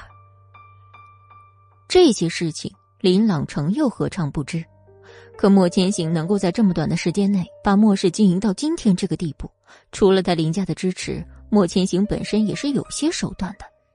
现在莫家已经在碧城站稳脚跟，根本不像从前那般好对付。而且要是知道林雨柔有这个打算，林朗成绝对不会选择在这个时候让莫千行在林家吃亏。现在林家想完全撇清关系，哪是那么容易的事儿啊！他看了看林雨柔，林雨柔长得酷似他故去的夫人。其实他故去的夫人一直是他心头的白月光。雨柔啊，这件事情你先不要管了，爸爸来处理吧。最近这段时间，你好好的待在家里，不要再出去给我惹祸了。知道了，爸爸，你放心，我最近绝对大门不出二门不迈。你说往东，我绝不往西。林朗成看着林雨柔这样。他仿佛看到从前那个乖巧听话的林家大小姐，毕竟也是自己的孩子。林朗成摸了摸林雨柔的头，去吧。林雨柔点点头，走回自己的卧室。柳月如看着林朗成有些苦恼的样子，走到茶几边，给林朗成倒了一杯茶。他端着茶，步伐优雅的走到林朗成身边，柔声说了句：“老爷，别烦了。”一不做二不休，现在雨柔已经是莫千行的人了，想必他也不会真的对林家做些什么。而且他现在羽翼未丰，他还需要我们林家。林朗成就是喜欢柳月如聪明有主意。要说漂亮，他林朗成要什么样的女人没有？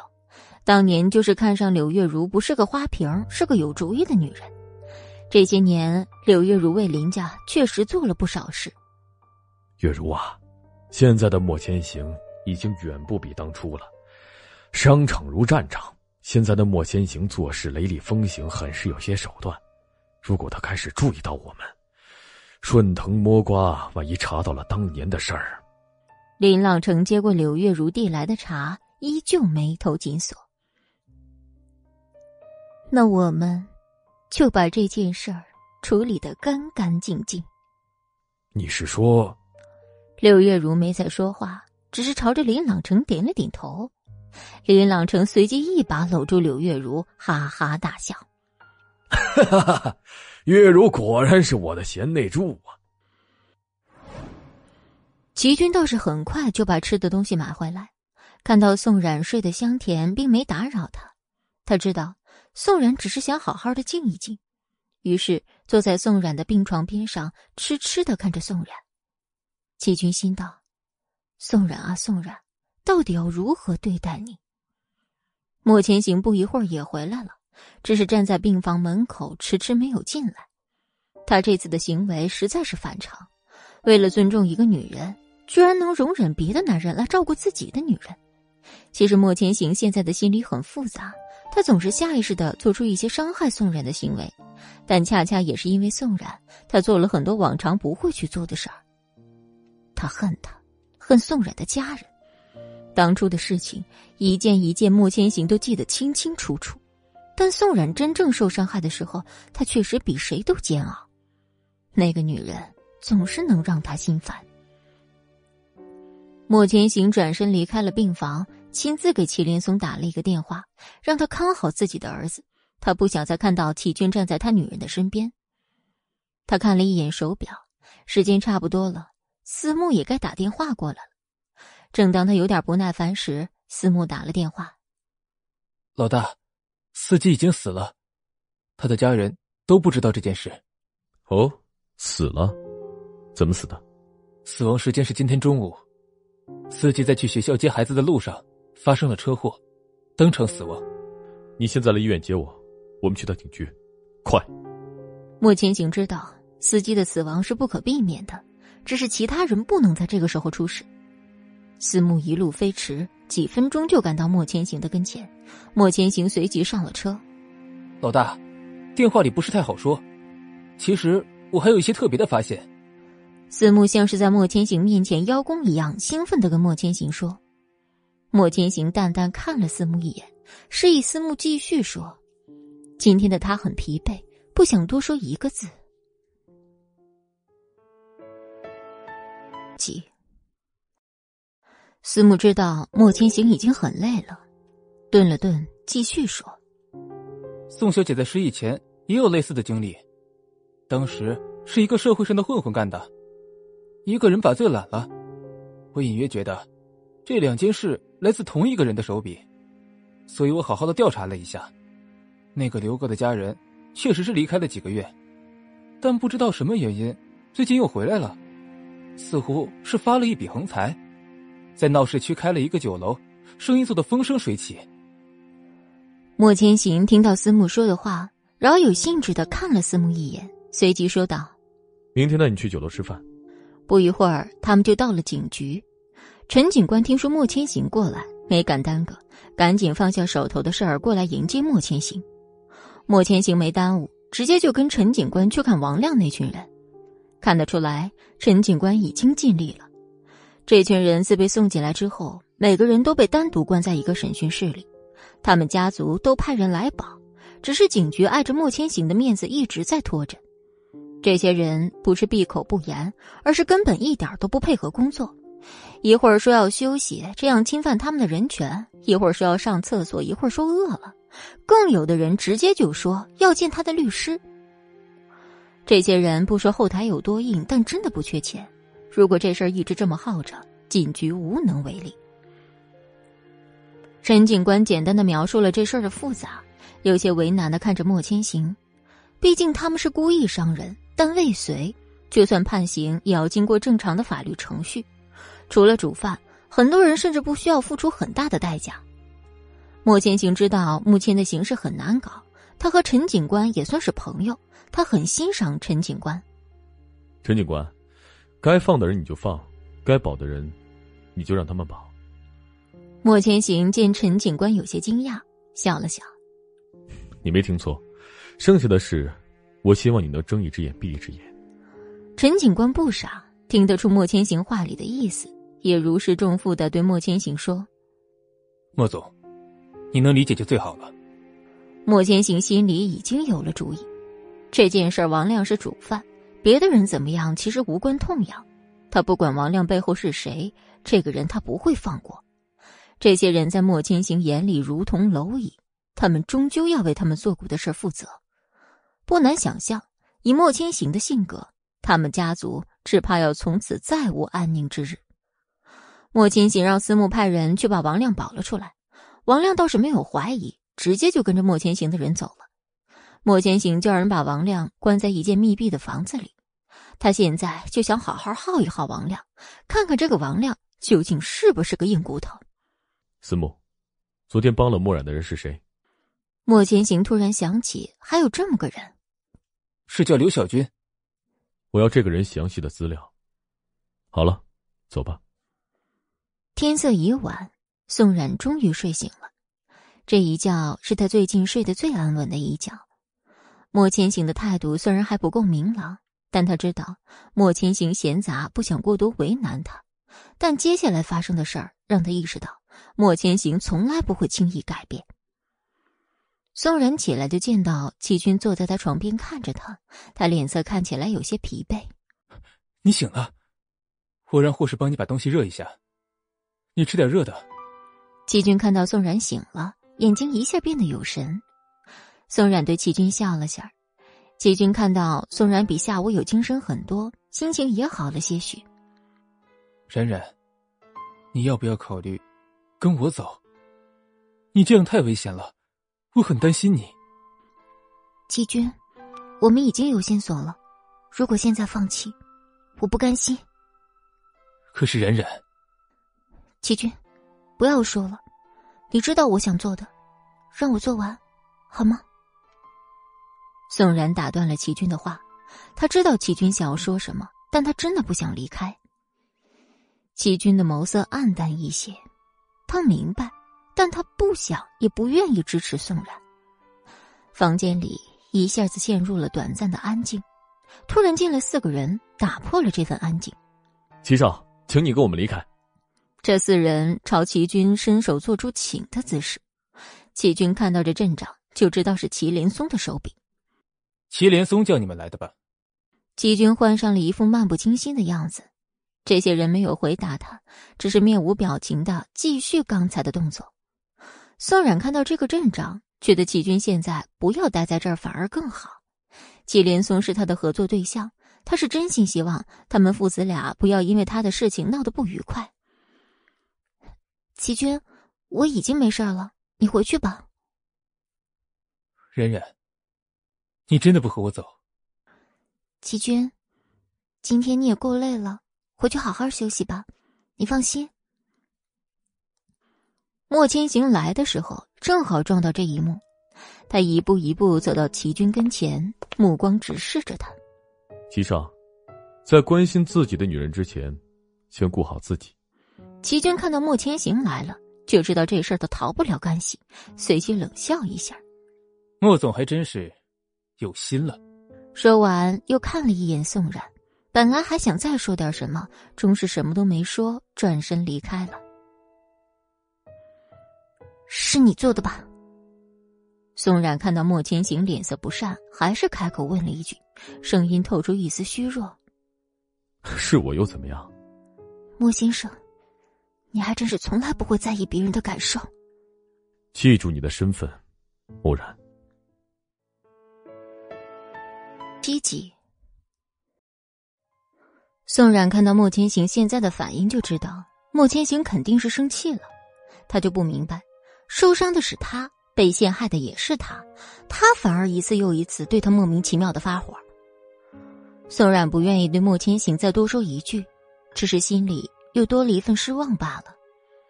莫千行看宋冉也不搭理他，倒是没有再说，只是自顾自的坐在宋冉的身边，拿起刚热好的粥，端起来做事要喂宋冉。宋冉知道自己拗不过他，但始终也不想受他摆布。于是皱着眉头，不愿意配合莫千行。怎么，还是想你未婚夫来伺候你啊？莫千行看到宋冉抗拒的样子，心里的火苗又重新燃起。是啊，我就喜欢我未婚夫来喂我。你走吧。宋冉就偏偏不愿意顺莫千行的意，就是不想听他的话。他要是不强迫他，他反而乖乖吃饭了。莫千行眼底都是对宋冉的火气。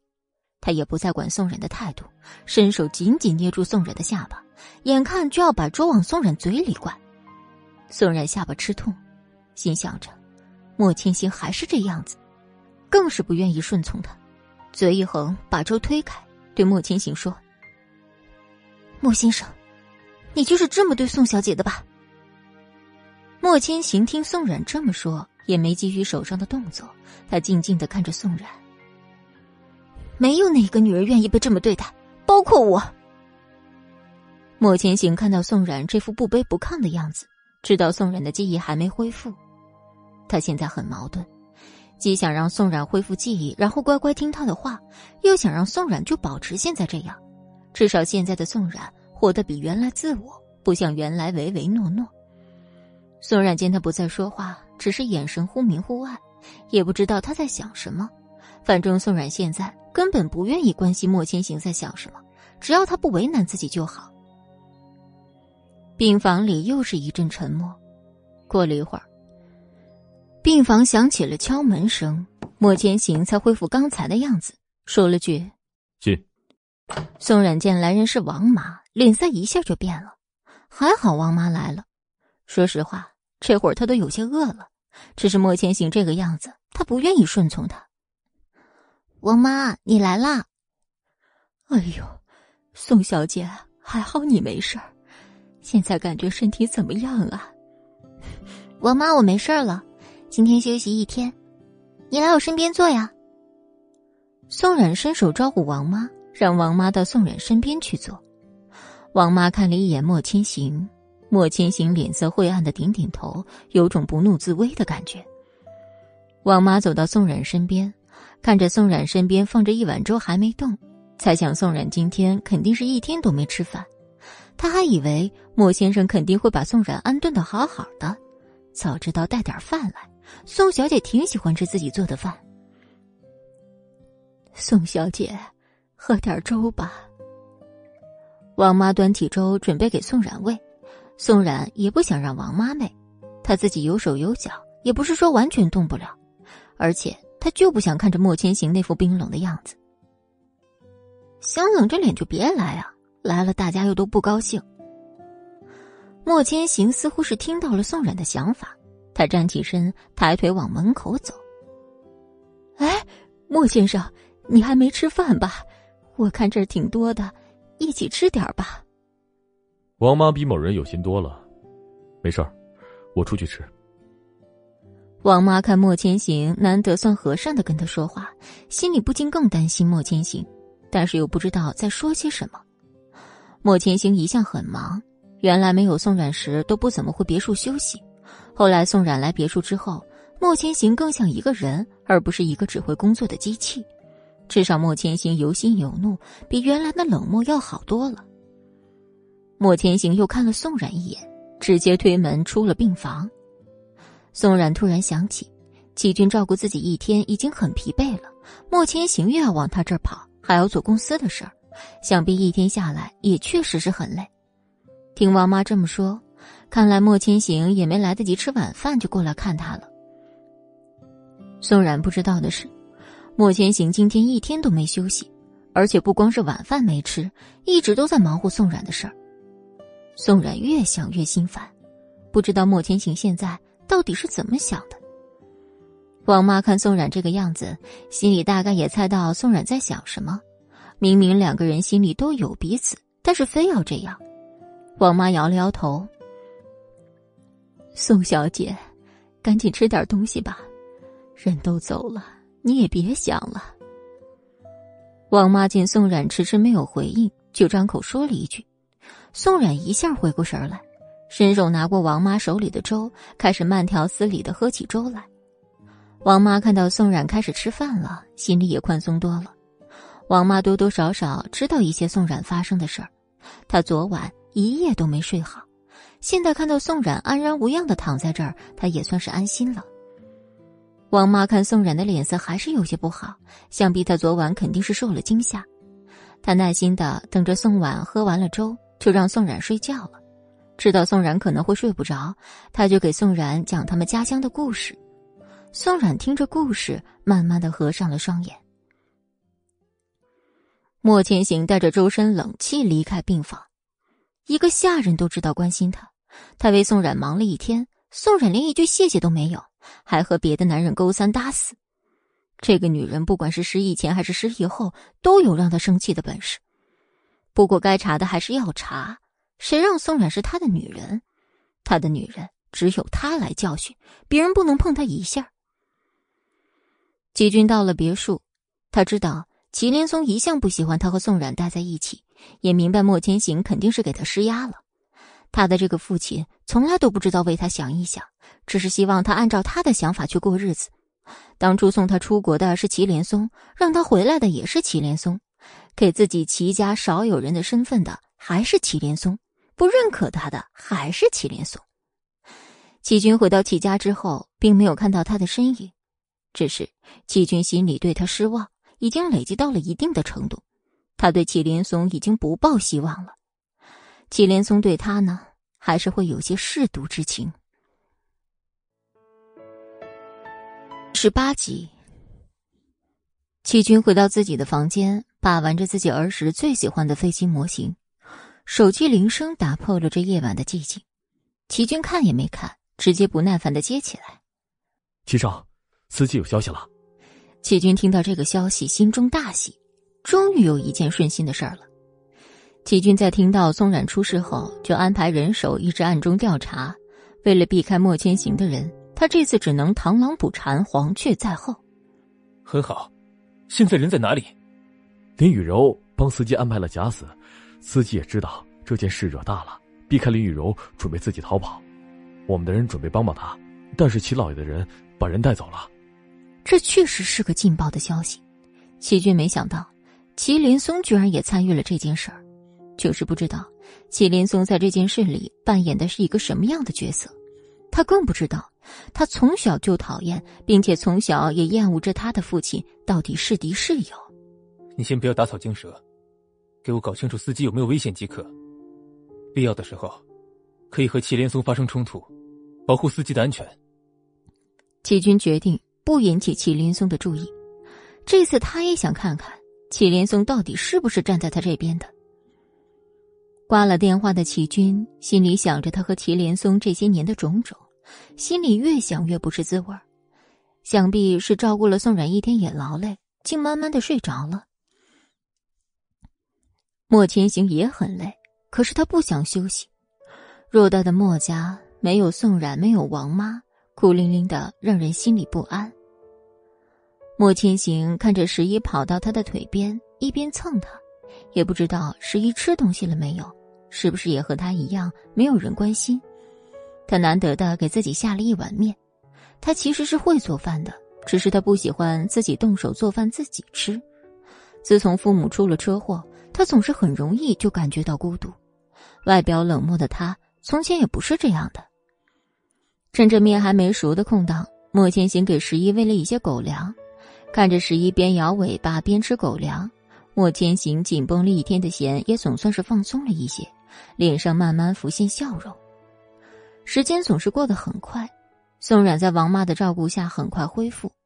这天，宋冉终于要出院了。这几天，宋冉过得很清闲。莫千行有事没事就过来烦他，齐军也没再过来看他，可能是祁连松又给他关到家里了。这样也好，每天和王妈说说话，王妈照顾照顾他，一天天过得也算快。其实王妈知道，莫千行每天在宋冉睡着以后才会过来看宋冉，他也不会待很久，只是过来看看他，然后交代王妈几句就离开了。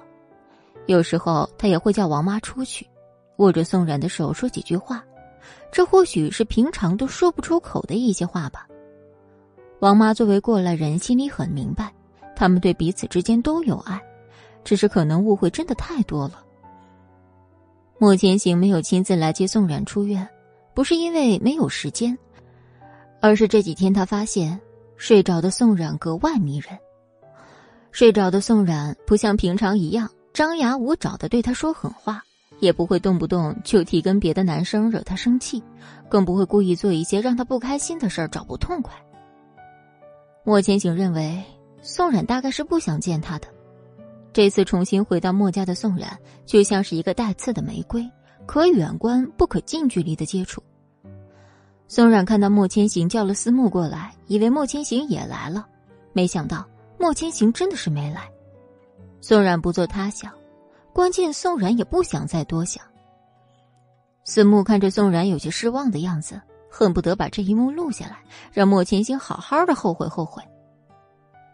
宋冉一路畅通无阻的回到墨家，身体好了，心情也不自觉会好，终于可以不用躺在病床上了。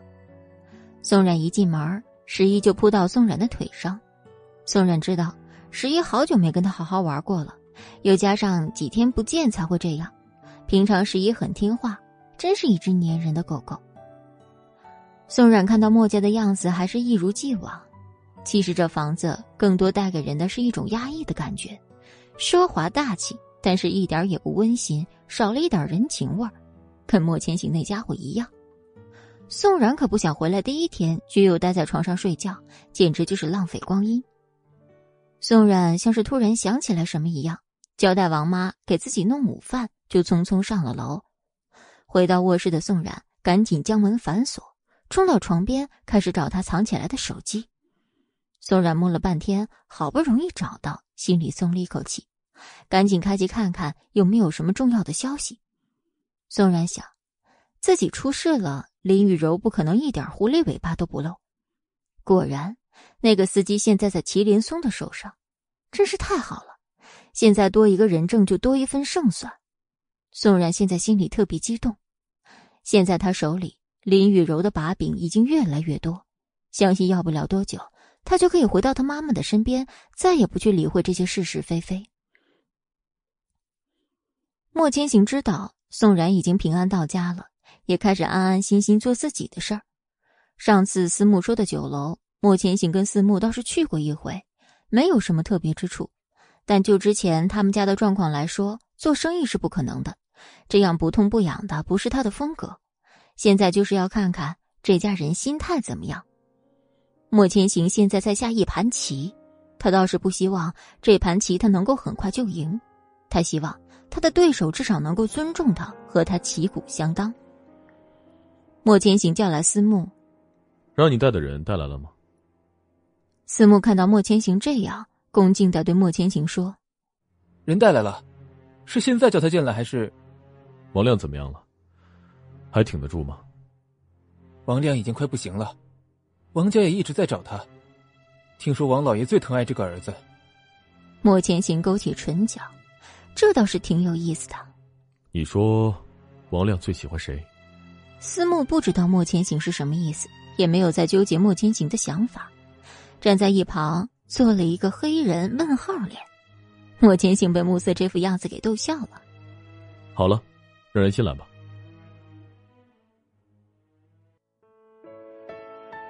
十九集，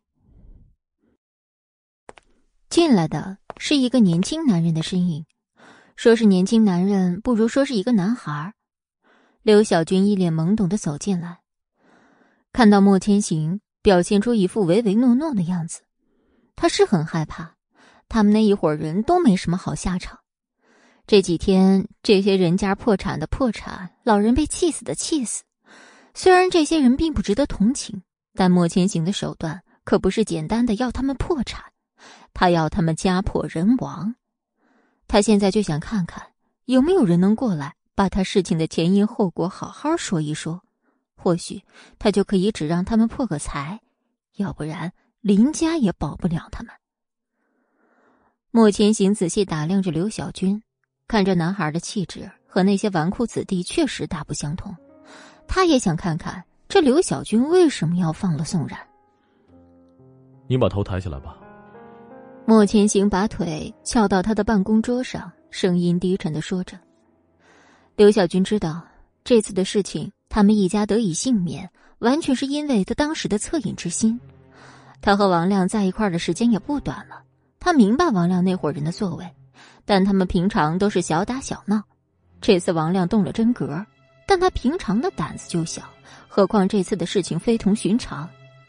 好在自己是个胆小的，要不然还真不知道他家会怎么样。不过刘小军的家庭在这些人当中来说，算是最差的那一个。其实不管莫千行搞不搞他们家，他们家现在都已经快不行了。也正因为他家已经快支撑不下去，所以他才和王亮那伙人走得更近了。那群人是以王亮为中心，天天在一起厮混的人。但王亮的背后是林家，这是谁都知道的事儿。林家是大家族，对于他们这种小门小户来说，如果抱上林家这条大腿，那么对自己家族也是很有利的。刘小军从来就不是一个喜欢找事儿的人，这次这件事儿，他只是因为王亮的面子上，想和王亮他们走得更近罢了。你为什么会帮宋然？莫千行看到刘小军唯唯诺诺的样子，不明白，像刘小军这样的人怎么会跟王亮走到一起？莫总，我我不是故意想帮宋小姐，事实上那天去的人都是去了之后才知道绑的人是宋小姐。刘小军断断续续的回答着，莫千行的声音越来越小。思慕在一边看不下去了，现在是问他为什么救人，又不是问他为什么害人，这样子还真是让人着急。你别怕，我们莫总又不会吃人。问你为什么救宋小姐，把你知道的跟我们说说吧。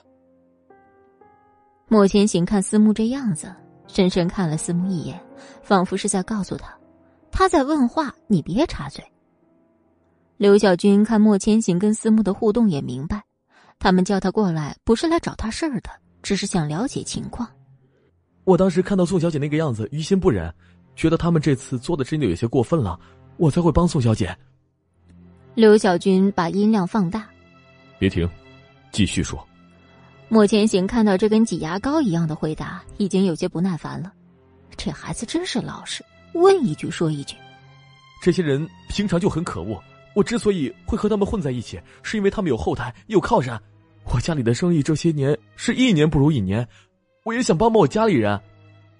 我今天来这里就是想赌一赌，看莫家能不能帮帮我家。我家做生意一直本本分分，但最近形势特别不好，眼看着就要不行了。莫千行听到这儿，终于有了点表情。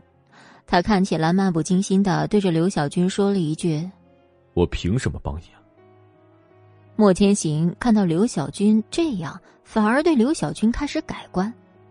看来这孩子秉性不仅不坏，而且是个可塑之才。莫总，就凭我帮了您的女人，就凭我家人现在还要受着林家的胁迫，而我还过来见您，跟您说实话。好了，既然你提到林家，我就帮帮你。多少钱够解决你家的事？过会儿跟司母去领吧。莫千行知道，刘小军一心想要解决家里的事儿，就直接给刘小军吃了一颗定心丸。刘小军摇了摇头。莫千行看到刘小军这副样子，以为刘小军是不满足，刚准备对刘小军发问，刘小军又继续开口道：“我真正需要的不是钱，而是一个公平。我家现在是被陷害的，钱或许可以解决我家的危机，但是没有清白。”谁还会要我家的东西啊，莫总，我只希望您能给我家一个清白。莫千行明白刘小军现在的心理感受，当初的他何尝又不是想要一个说法呢？好，我会叫暮云和你一起回家，他会帮你家度过这次的难关。钱的问题，你随时找思慕就行了。刘小军看到莫千行态度的变化，是打心底里感到开心。他恨不得、很希望别人都能够认可他。接下来，刘小军把事情发生的过程一五一十的告诉了莫千行和思慕。其实主要就是讲了林家的一些事儿。林雨柔和王亮的关系，他确实不知道。莫千行看刘小军说的差不多了，就安排人送走他。莫云也跟着去了。虽然这个刘小军说的情况，莫千行之前就已猜到，但这些事情肯定了他的想法。刘小军交代的事儿也不是全部都没用。莫千行也见过了刘小军，现在他想去啃一啃硬骨头。这个王亮这几天怕是也被折磨的差不多了，现在他就是要攻破王亮心底最后的那一根弦。几，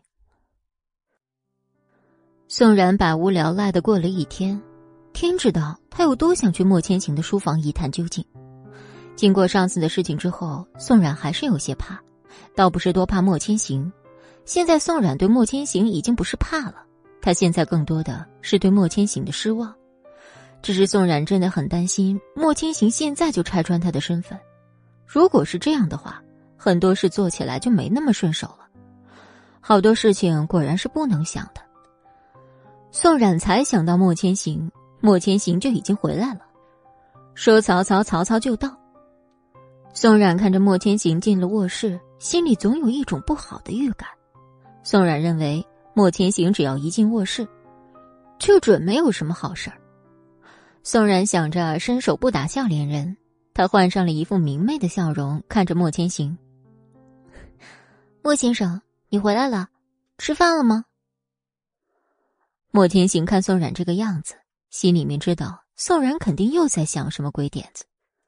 莫千行刚才在审王亮时用了点计谋，他把王亮放出来，带着王亮吃喝玩乐，弄得王亮有点飘了。王亮这几天不知道自己在哪儿，没有吃，没有喝，足足被饿了三天，说个话也没人理，没有人管他。莫千行在王亮崩溃的边缘，却把王亮放了出来。王亮只是一直听说莫千行这个名字，但从来没见过他，他还以为莫千行是他爹派来救他的人。不管不顾的就跟着莫千行去吃去喝，一个不小心还喝多了。莫千行看到王亮这样，就知道王亮上钩了。他看着王亮，开始推心置腹跟王亮说话。王亮简直把莫千行当自家兄弟，再加上上了头，他就开始胡言乱语，什么林家是他家亲戚，什么林雨柔从小就是他的女神，还有林雨柔那个身段莫千行越听越知道是怎么回事虽然王亮没把最重要的部分描述出来，但莫千行又怎会不知发生了什么？他对林雨柔没感情，但这些年林雨柔也一直陪伴在他身边。要是不发生这些事儿，他们林家其实对莫千行还算不错。莫千行这辈子最痛恨别人的背叛，他们林家这样做是再一次的把他推进了无底深渊。莫千行也不是没脑子，他明白，林家只是因为宋冉的出现，对他们，特别是对林雨柔有一定的危机感。莫千行不是白眼狼，只是他认为林朗成不是没脑子去做这些事儿。那天晚上的事儿，或许还真是林朗成搞的，但绑架宋冉这件事儿，他认为不会是林朗成做的。林朗成在商场上摸爬滚打多年，不可能因为突然出现一个女人而自乱阵脚。更何况，以这林朗成的性格，就算他一直养个女人，只要他娶林雨柔就可以了。难道这件事儿还真的是林雨柔搞的？看着面前的宋冉，皮笑肉不笑，嘴上倒是难得的跟他好好说话，他心里倒是有些开心。莫千行凑近宋冉，一股酒气迎面扑来。宋冉倒是没看出莫千行喝了酒，但此刻的酒气却是骗不了人的。宋冉下意识的推了莫千行一下：“莫先生，你喝酒了。”被推开的莫千行看到宋冉这动作，心里很不高兴。莫千行没有回答宋冉，他是有些上头了，但他心里很清醒。宋冉之所以会像现在这样，就是因为他不记得以前的一切，他不记得他们曾经在一起时的快乐时光。如果他能记起，一定不会这样对他。他身边所有的人都在背叛他，包括现在身在曹营心在汉的宋冉。莫千行再也忍不住心里的悸动，他已经好久没有碰过宋冉了。他每次见宋冉，不是不想这些事儿，而是最近发生的事情不允许他想这些。他是个男人，也会有正常的生理需求，而这种生理需求只有宋冉才能疏解。他起身压住宋冉，再也不顾宋冉的反抗，开始亲吻宋冉的嘴唇。宋冉知道，莫千行这个样子肯定是精虫上脑了，但现在莫千行这种状况，他没办法推开他。甚至平常的冷嘲热讽、各种激将法也没办法展开。就在宋冉一筹莫展时，他发现莫千行的吻不再像以前那样带有侵略性，而是像当初他们谈恋爱时的那种感觉。此时的宋冉有种被珍视的感觉，但宋冉很清楚，这只是莫千行喝多了，暂时将仇恨放到脑后。一旦莫千行清醒了，他还是会跟往常一样对他。他与莫千行终究还是渐走渐远。他知道，这个时候自己更是要清醒。他想要的不是莫千行的爱，他现在只想要莫千行公平的对待。宋冉的感受，此时的莫千行无疑是感受不到的。莫千行现在只想把宋冉就地正法。宋冉还没能逃脱莫千行的温柔攻势，终于。一步一步的在温柔陷阱里被攻下，莫千行感受到宋冉的回应，渐渐的就发起猛烈的攻势，不知不觉，两人的衣服悄悄被褪下。虽然没过多久，但莫千行的世界里已经太久没碰过宋冉了，他不知疲倦的在宋冉身上要了宋冉一回又一回，终于在最后一回，宋冉和莫千行都达到了快乐的巅峰。莫千行释放之后，眼神也终于变得澄明起来，不再像方才那般朦胧。他退出宋冉的身体，看着宋冉现在的样子，心里慢慢升起一种奇怪的感觉。如果没有发生那么多的变故，或许此刻他和宋冉已经结婚生子，美满幸福。宋冉感受到莫千行的动作，他慢慢的睁开了一直闭着的眼睛。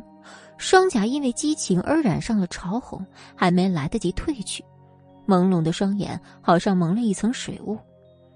他看着莫千行盯着自己，有些不好意思的别过头，虽然他和莫千行已经不是第一次了，但每次要么他会在中途昏睡过去，要么就是莫千行完事儿了就离开。像今天这种情况，宋冉还没真正的经历过。在他们欢爱之后，莫千行也是第一次这样一直盯着他看。莫千行看到宋冉有些孩子气的样子，不由自主的勾起嘴角，他又俯下身，对着宋冉的额头轻轻一吻。